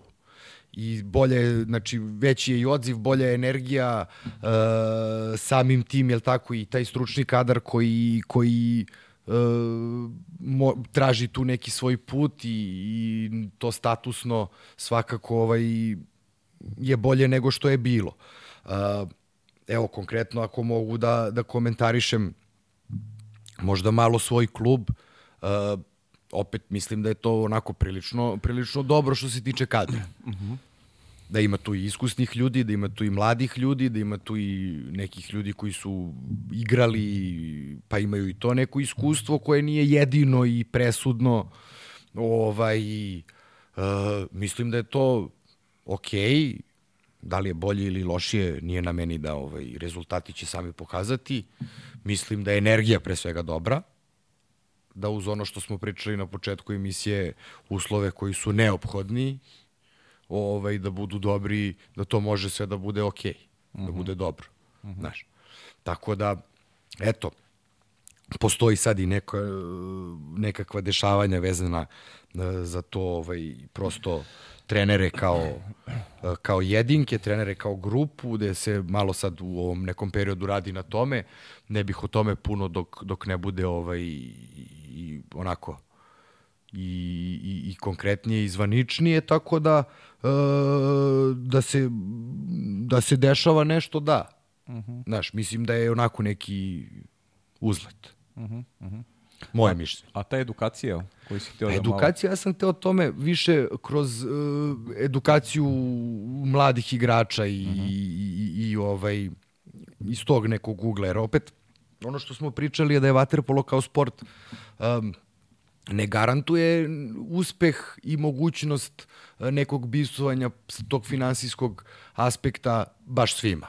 I za razliku od neke, neke, nekih sportova, ekipnih, individualnih, kakvih god, uh, gde je to izraženje, pogotovo, pardon, uh, ekipnih, uh, pro, postoji nekoj svojoj prirodi vaterpolo uh, traži od tebe da ti imaš plan B, da se ti ovaj uh, vodiš računa o tom nekom svom putu koji bi eventualno bio uh, ili nakon karijere ili ne daj Bože mm -hmm usled nekakve povrede ili već nečega. Tako da mislim da u osnovi vaterpolo uh, uh, može da pruži odnosno kao proizvod iz vaterpola izlazi uh, nešto dobro samim tim zbog te neke širine iz tog nekog možda neke nesigurnosti i tako dalje. Da od vaterpola može da se živi, može se živi jako lepo. Uh, odricanja su ogromna, a opet sve na tebe zavisi, jel tako, kao, u, kao svemu u životu, ali smatram da je, da je, da je jako važno da, da to tako, znaš, da se to nastavi, da, da ovaj škola je jako, jako važna. Prosto za širinu čoveka, ne samo za, za, za nekakav posao u mhm. budućnosti. Naravno. Ajde ovaj da prođe malo pitanje gledalaca. Ovaj, interesantno su pitanja, pa probamo da budemo koncizni. Malo Andreja spremila ovde Može. ovaj, pitanja, pa... Je su pristojna sva. Da, da, da. Dobro. Nepristojna neću da postavim. Mm, Ana Milićević te pozdravlja. Kaže, pozdrav za trenera. Pozdrav. Kaže, zašto baš kapica broj 8 i omiljeno jelo u Italiji? Uh, nema razloga za kapicu, uh -huh. uh, stvarno nema, razli, nema, nema razloga uprkos činjenici da su i Velja Uskoković i Tibor Benedek kao ljudi na koje sam sigurno ovaj, e, pokušavao da se ugledam u tom nekom svom formiranju, nosili taj broj, pogotovo Velja, mislim što je to, to je bilo stvarno poezija. Taj neki specifičan njegov moment, ne da je bio bolji ili lošiji, ovaj, tako da nema, nema, nosio sam svašta, mislim A, može, nije mi to nikad bilo važno, ali je du, du, najduže kao imao, može, osmica. A što se tiče jela, ma to ne, no, kako jedno jelo, mislim, to je nemoguće. U Italiji? Pa... Da, da, pa mislim, kažem, iz Italije jedno jelo. Znači, moram jedno da izaberem. Pa ne moraš. Ne moram, ajde. Pa lazanja, ako je jedno lazanja, sigurno. Znaš, to kad se malo, malo bolje spremi. Moja supruga pravi fantastičnu lazanju. Kad se to malo pripremi ovaj bolje, pa se malo te kore malo ovaj bolje uzmu, pa, pa se malo još to ne, za recept u inbox, kao znaš. ti krenula voda, ti krenula voda na usta. Nismo ni mi mnogo bolji ovde. Da. Kaže Marko Arsić, prema njegovom mišljenju, najveći igrački i trenerski uspeh i ko je najbolji igrač kog je trenirao? Koji je najbolji igrač kog sam ja trenirao? Tako, da. Mm, ne mogu to da odgovorim. Dobro, nemoj. Ne. Mislim, nije, ja, nisu to igrači, to su... Deca. Nisu ni deca, mislim, to su momci koji stasavaju, znaš. Pa dobro. Ja to, kad, znaš, igrač mi je malo, tad si postao, znaš, a dok postaješ, nisi još igrač, nego si... do formiranja. Nego si, da. A o najveći formir... uspeh? U trenerskom... Pa dobro, trenerski, ili mladski trener, ajde, igrački neka bude. Pa igrački, pa ne, ne, ne znam nešto da je da bih jedno mogao da izdvojim ne. Uh -huh. Ovaj svakom tom nekom trofeju koji je bio ono vredniji ili, ili, ili manje vredan sam, sam celog sebe dao stvarno. Uh -huh. Celog sebe dao ono bez, bez rezervno i to me nešto vodilo i ne mogu da kažem da je nešto ovaj, važnije od drugog, stvarno. Aleks Jelić kaže, kad će biti napunjen bazen, pričali smo o tome s početka, biće vajda skoro. Ja bih voleo danas, sad. Pa sad popodne, ali mislim da nije realno. Nije realno. Stefan Sajko, u kakvom sećanju ostao Koper, to smo to pričali. To smo prošli, tako da, je. pozdrav, veliki. Gavrilo Gajić, da li je, da li je 17 godina prekasno za dobijanje ikakvih rezultata?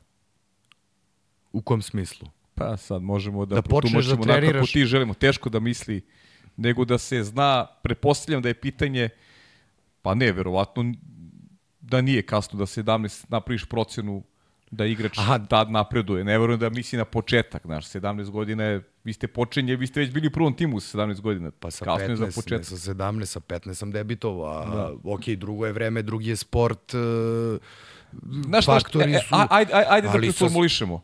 Da li može se dogodi da nekog u 17. godini da je propušten da se, da se 17 godina kažeš aha, on ipak potencijal može da napravi. E pa sad, ok, uh, a ne možemo, ne u smislu kao aha, nema ga nigde, pa kao sa 17 je vidi možda može. ne, nego ako je već možda neko drugi prošao uh, umesto tog drugog sa 17 koji je veći potencijal, pa imaš slučaj, na primjer, Mića Aleksića, koji recimo Tako je, to... najbolji primjer, jeste. on ti to svetsko, on, ne znam da li je jedno takmičenje to igrao.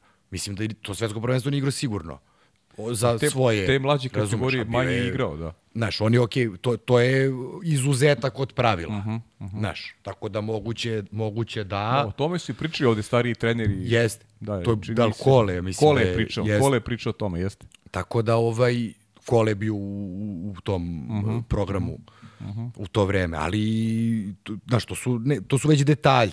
Sad da ti sa 17 nešto kao odjednom kreneš, Teško. da skačeš teško.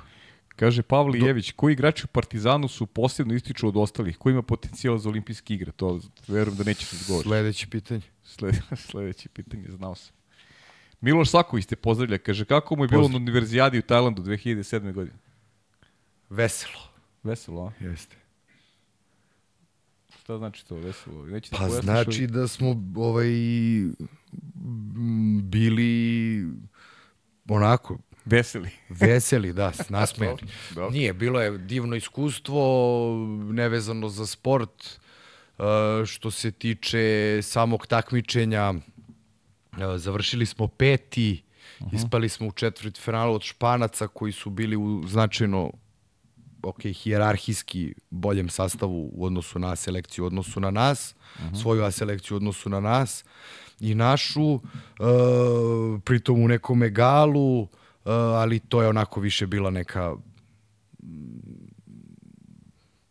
ne mogu, ni- nije to bio, bio preozbiljan pristup uopšte toj, toj celoj priči, tako da je iskupljena ekipa onako uh, na određeni način i eto, što se sporta tiče, to je bilo onako prilično mršavo, a što se tiče Bankoka, to je fantastičan grad, veliki Š- i ovaj iskoristili smo priliku da, da vidimo to što, što smo mogli. Kaže Voja Stanković iz Niša te pozdravlja. Kaže, nemam pitanja, samo da pozdravim jednu od najfinijih levica. Najfinijih, Da. Karakterno ili, ili Pa ovaj... ne znam, ja, ja više tumačim ovde igrački. Mislim da je to meka ruka. Jes, hvala lepo. Eto. Mislim da je to, da je to onako lepo, a lepo pohvala. Hvala. E, kaže, da li koristi izreku u moje vreme dok sam ja igrao ili si prilagođava novim generacijama i na koji način? To smo već objasnili. Pričali smo, da. To da, smo već objasnili sa uh, osvrtom na to da smatram da uh, ono nešto što prenosiš nekome treba on i da zna kako je u tvoje vreme bilo, znaš. Uh -huh. Ne da ne treba da zna, nego da nema potrebe da je u neko vreme nešto bilo bolje, mislim, znaš. Da li je bolje gore u tom smislu, ali uh -huh. da im treba preneti mladima generalno, mislim, u svakoj sferi života svoja neka iskustva, svakako da da. Samo ti kažem da mi je Stefan Balti Popović poslao poruku na sliku i rekao je odličan gost. Samo Odličan Da znaš, da. Hvala. Pozdrav. E, Daniela ti pita na koji način motiviš svoje igrače, da li koristi neke tehnike koje su njega motivisale dok je bio igrač? To bi trebalo da pitaš moje igrače. Mislim da je način specifičan i da je vrlo učinkovit. Tako da ovaj, Dobro. A kaže, dođi koje, na trening da vidiš kako to izgleda. vrlo rado, koji mu je savjet u neko trener ostao urezan da ga on danas prenosi na svoje igrače? Opet, isto Daniela.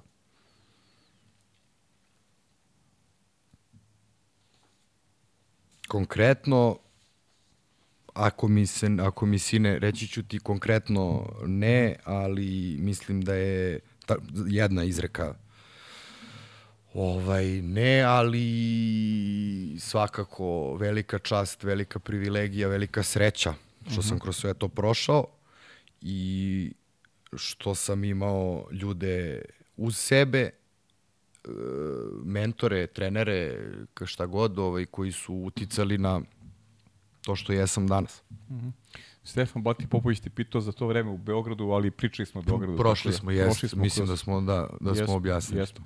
Pa znaš šta, ostalo je malo, ajde da, da dotako si porodice, možemo i to za kraj da ostavimo. Znaš šta, nismo, eto, prošli Novi Beograd i i malo ako šta Jest. želiš još da, Novi da kažeš Beograd, malo tvog da. interesovanja. Znam da voliš i muziku, da voliš Jeste, sportove. Novi pa malo. Beograd, to je, to je ovaj poslednja stanica u karijeri. Uh Mhm. pošto poto, uh, pošto poto sam hteo da se vratim u zemlju. Uh, velikog utica je svakako imala i ta korona gdje sam imao, ovaj, o tome nismo pričali, imao sam stvarno jedno užasno iskustvo uh, u tom periodu gdje sam ostao u Rimu uh, praktično sam, gdje je supruga uh, u tom nekom regularnom svom režimu ovaj u tom periodu do- došla je ovaj u Srbiju gde je propustila uh, taj let da se vrati u Rim kao da vidimo malo šta se dešava. Na kraju sam ja ostao tri meseca zaključan u kući sam znaš. Uh, u dan su ti javili jel tako da je gotova sezona, da se menja potpuno život, da si zaključan, da ne smeš da ovaj, i, uh, ništa drugo radiš osim van kuće, osim da odeš do prodavnici, do apoteke. I to ako ima pre, preke potrebe, jel tako u Italiji je bio taj neki prvi, prvi udar korone, ovaj, gde je sve to bilo onako u, u, u magli, prosto ljudi nisu znali šta da očekuju, pa te migracije, pa stvarno jedno, uh, mogu reći, surovo iskustvo, nešto nalik na, na zatvor, ovaj, gde prosto takva jedna stvar, mislim da nemoguće je da ne ostavi posledice na čoveka koliko god da, da se on borio sa tim. Tako da sam ja, imao sam ponudu stvarno ovaj, da nastavim svoj život u Rimu, dugoročan, e, zasnovan na tom trenerskom delu, znači ne, ne ovaj, to igro bih možda još godinu, dve, međutim ja sam hteo stvarno pošto poto da se vratim i zbog tih nekih porodičnih stvari, ovaj, taj Novi Beograd uh, je u tom momentu bila jedina, jedina ekipa koja je mogla da pruži to što, da kažemo, taj neki materijalni deo mm -hmm. koji, koji je ovaj, trebalo da bude taj prelazni neki period u mom životu samo kraja karijere prelaska u samo ovaj, trenerske vode, uh, gde se iz, zbog splete nekih okolnosti uh, to završilo jako brzo. Uh -huh. U nešto dve utakmice sam odigrao, beš na početku. Uh, što se potrefilo, jel tako, sa, sa ovim promenama u Partizanu što su se dogodile pre tri godine i, i veoma brzo, možda i prebrzo u odnosu na svoj neki svoje neko stanje. Uh, mentalno sam to onako prihvatio, ušao i eto, to je to. Uh -huh, uh -huh. E, pitati, čekaj samo da vidimo, hmm. pitati i Stevan. Kaže, kojem golmanu je najteže dati gol preko glave? Kroz glavu, kao to. da pa, da. Uh, u karijeri kroz glavu? Uh -huh. Mm, dobro, šele tu nemoguće kada se podigne glavom preko prečke. Mislim, to ajde da, da, da isečemo. Njemu kroz glavu ne možeš daš da gol, ne mora da se diže. Uopšte. Kroz noge si mogao da mu daš pre nego kroz glavu. Šalim se. Ovaj, pa imao sam, znaš kako, uh, što se golmana tiče, ja sam stvarno imao malo specifičan pogled, jer im nisam odgovarao, znaš. Aha. Ovaj, iz tog nekog šuterskog, i onda nisam ja to doživljavao kao problem. Aha. Uh, ono što je možda za taj neki moj način uh,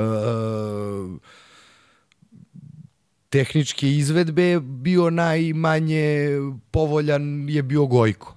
Znaš, koji je brži, koji je to ovaj, mogao da stigne to što možda nije krenuo na vreme.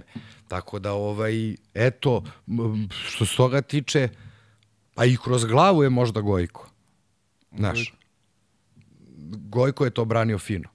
Uh -huh. Pogotovo kad, kad, kad opusti ruke, kad nije držao visoko.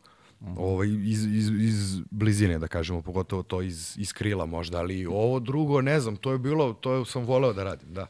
To je onako lepo bilo, kroz glavu. Pazi ovo pitanje sad. Ovaj, Ajde. Saša Cvjanikić. To mi je drugar, da, ajde, najavio mi je da će da bude ljuto. Kaže, ti da, vidi. da li misliš da je to što nemaš pojma o drugim sportovima uticalo na to da se pokažeš u vaterpolu? Ovo je lično, čovječe. A, Ajmo ovako. baš. Prvo, prvo i prvo. ovaj, značajno bolje a, igram od njega fantazi. Značajno Značajno, bolje. značajno bolje. Dobro. Znači, to ti je u stotinama bodova na, na ovaj razlika. Mhm. godišnjem nivou. Razumeš? A, mislim da je pod sport on smatrao fantasy futbol i tu ću završiti ovaj A, znači priču. tu si njegov, njegov sport ovaj završao. Aha. Bio sam Razumeo sam, razumeo sam. koncizan, je li tako? Pa da, jesi, jesi. Mislim, odgovorio si mu kako treba. Mislim da je zažalio što je postavio Nije. pitanje.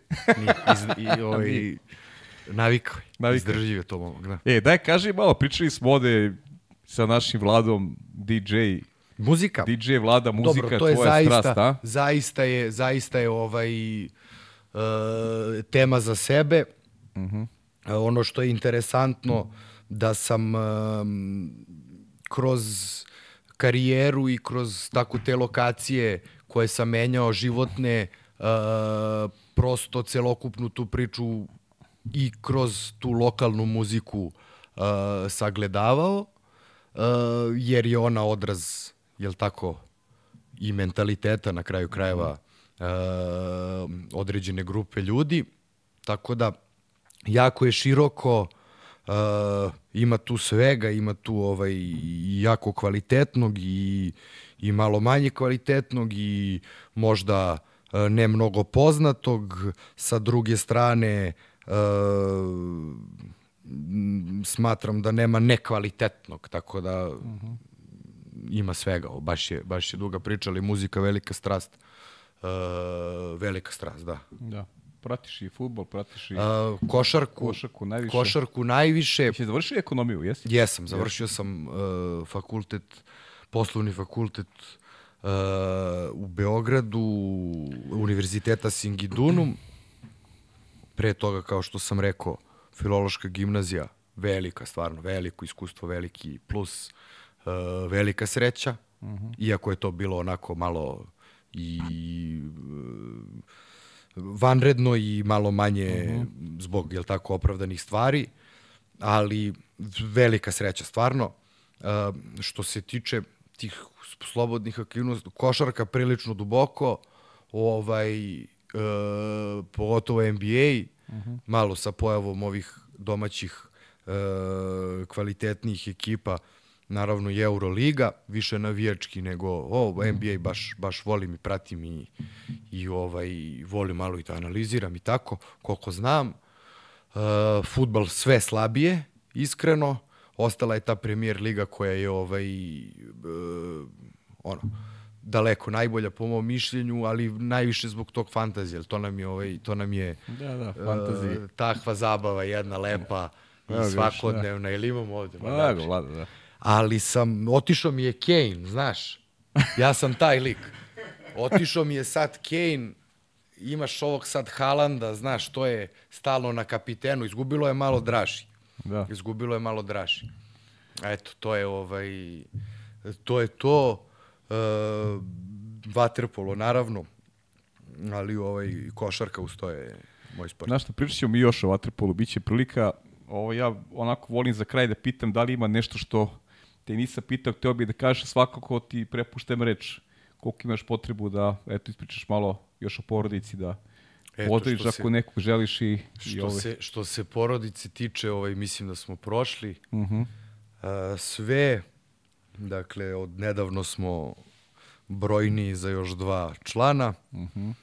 To ide svojim tokom. Hvala Bogu. A, mislim da smo sve ispričali što je trebalo da ispričamo.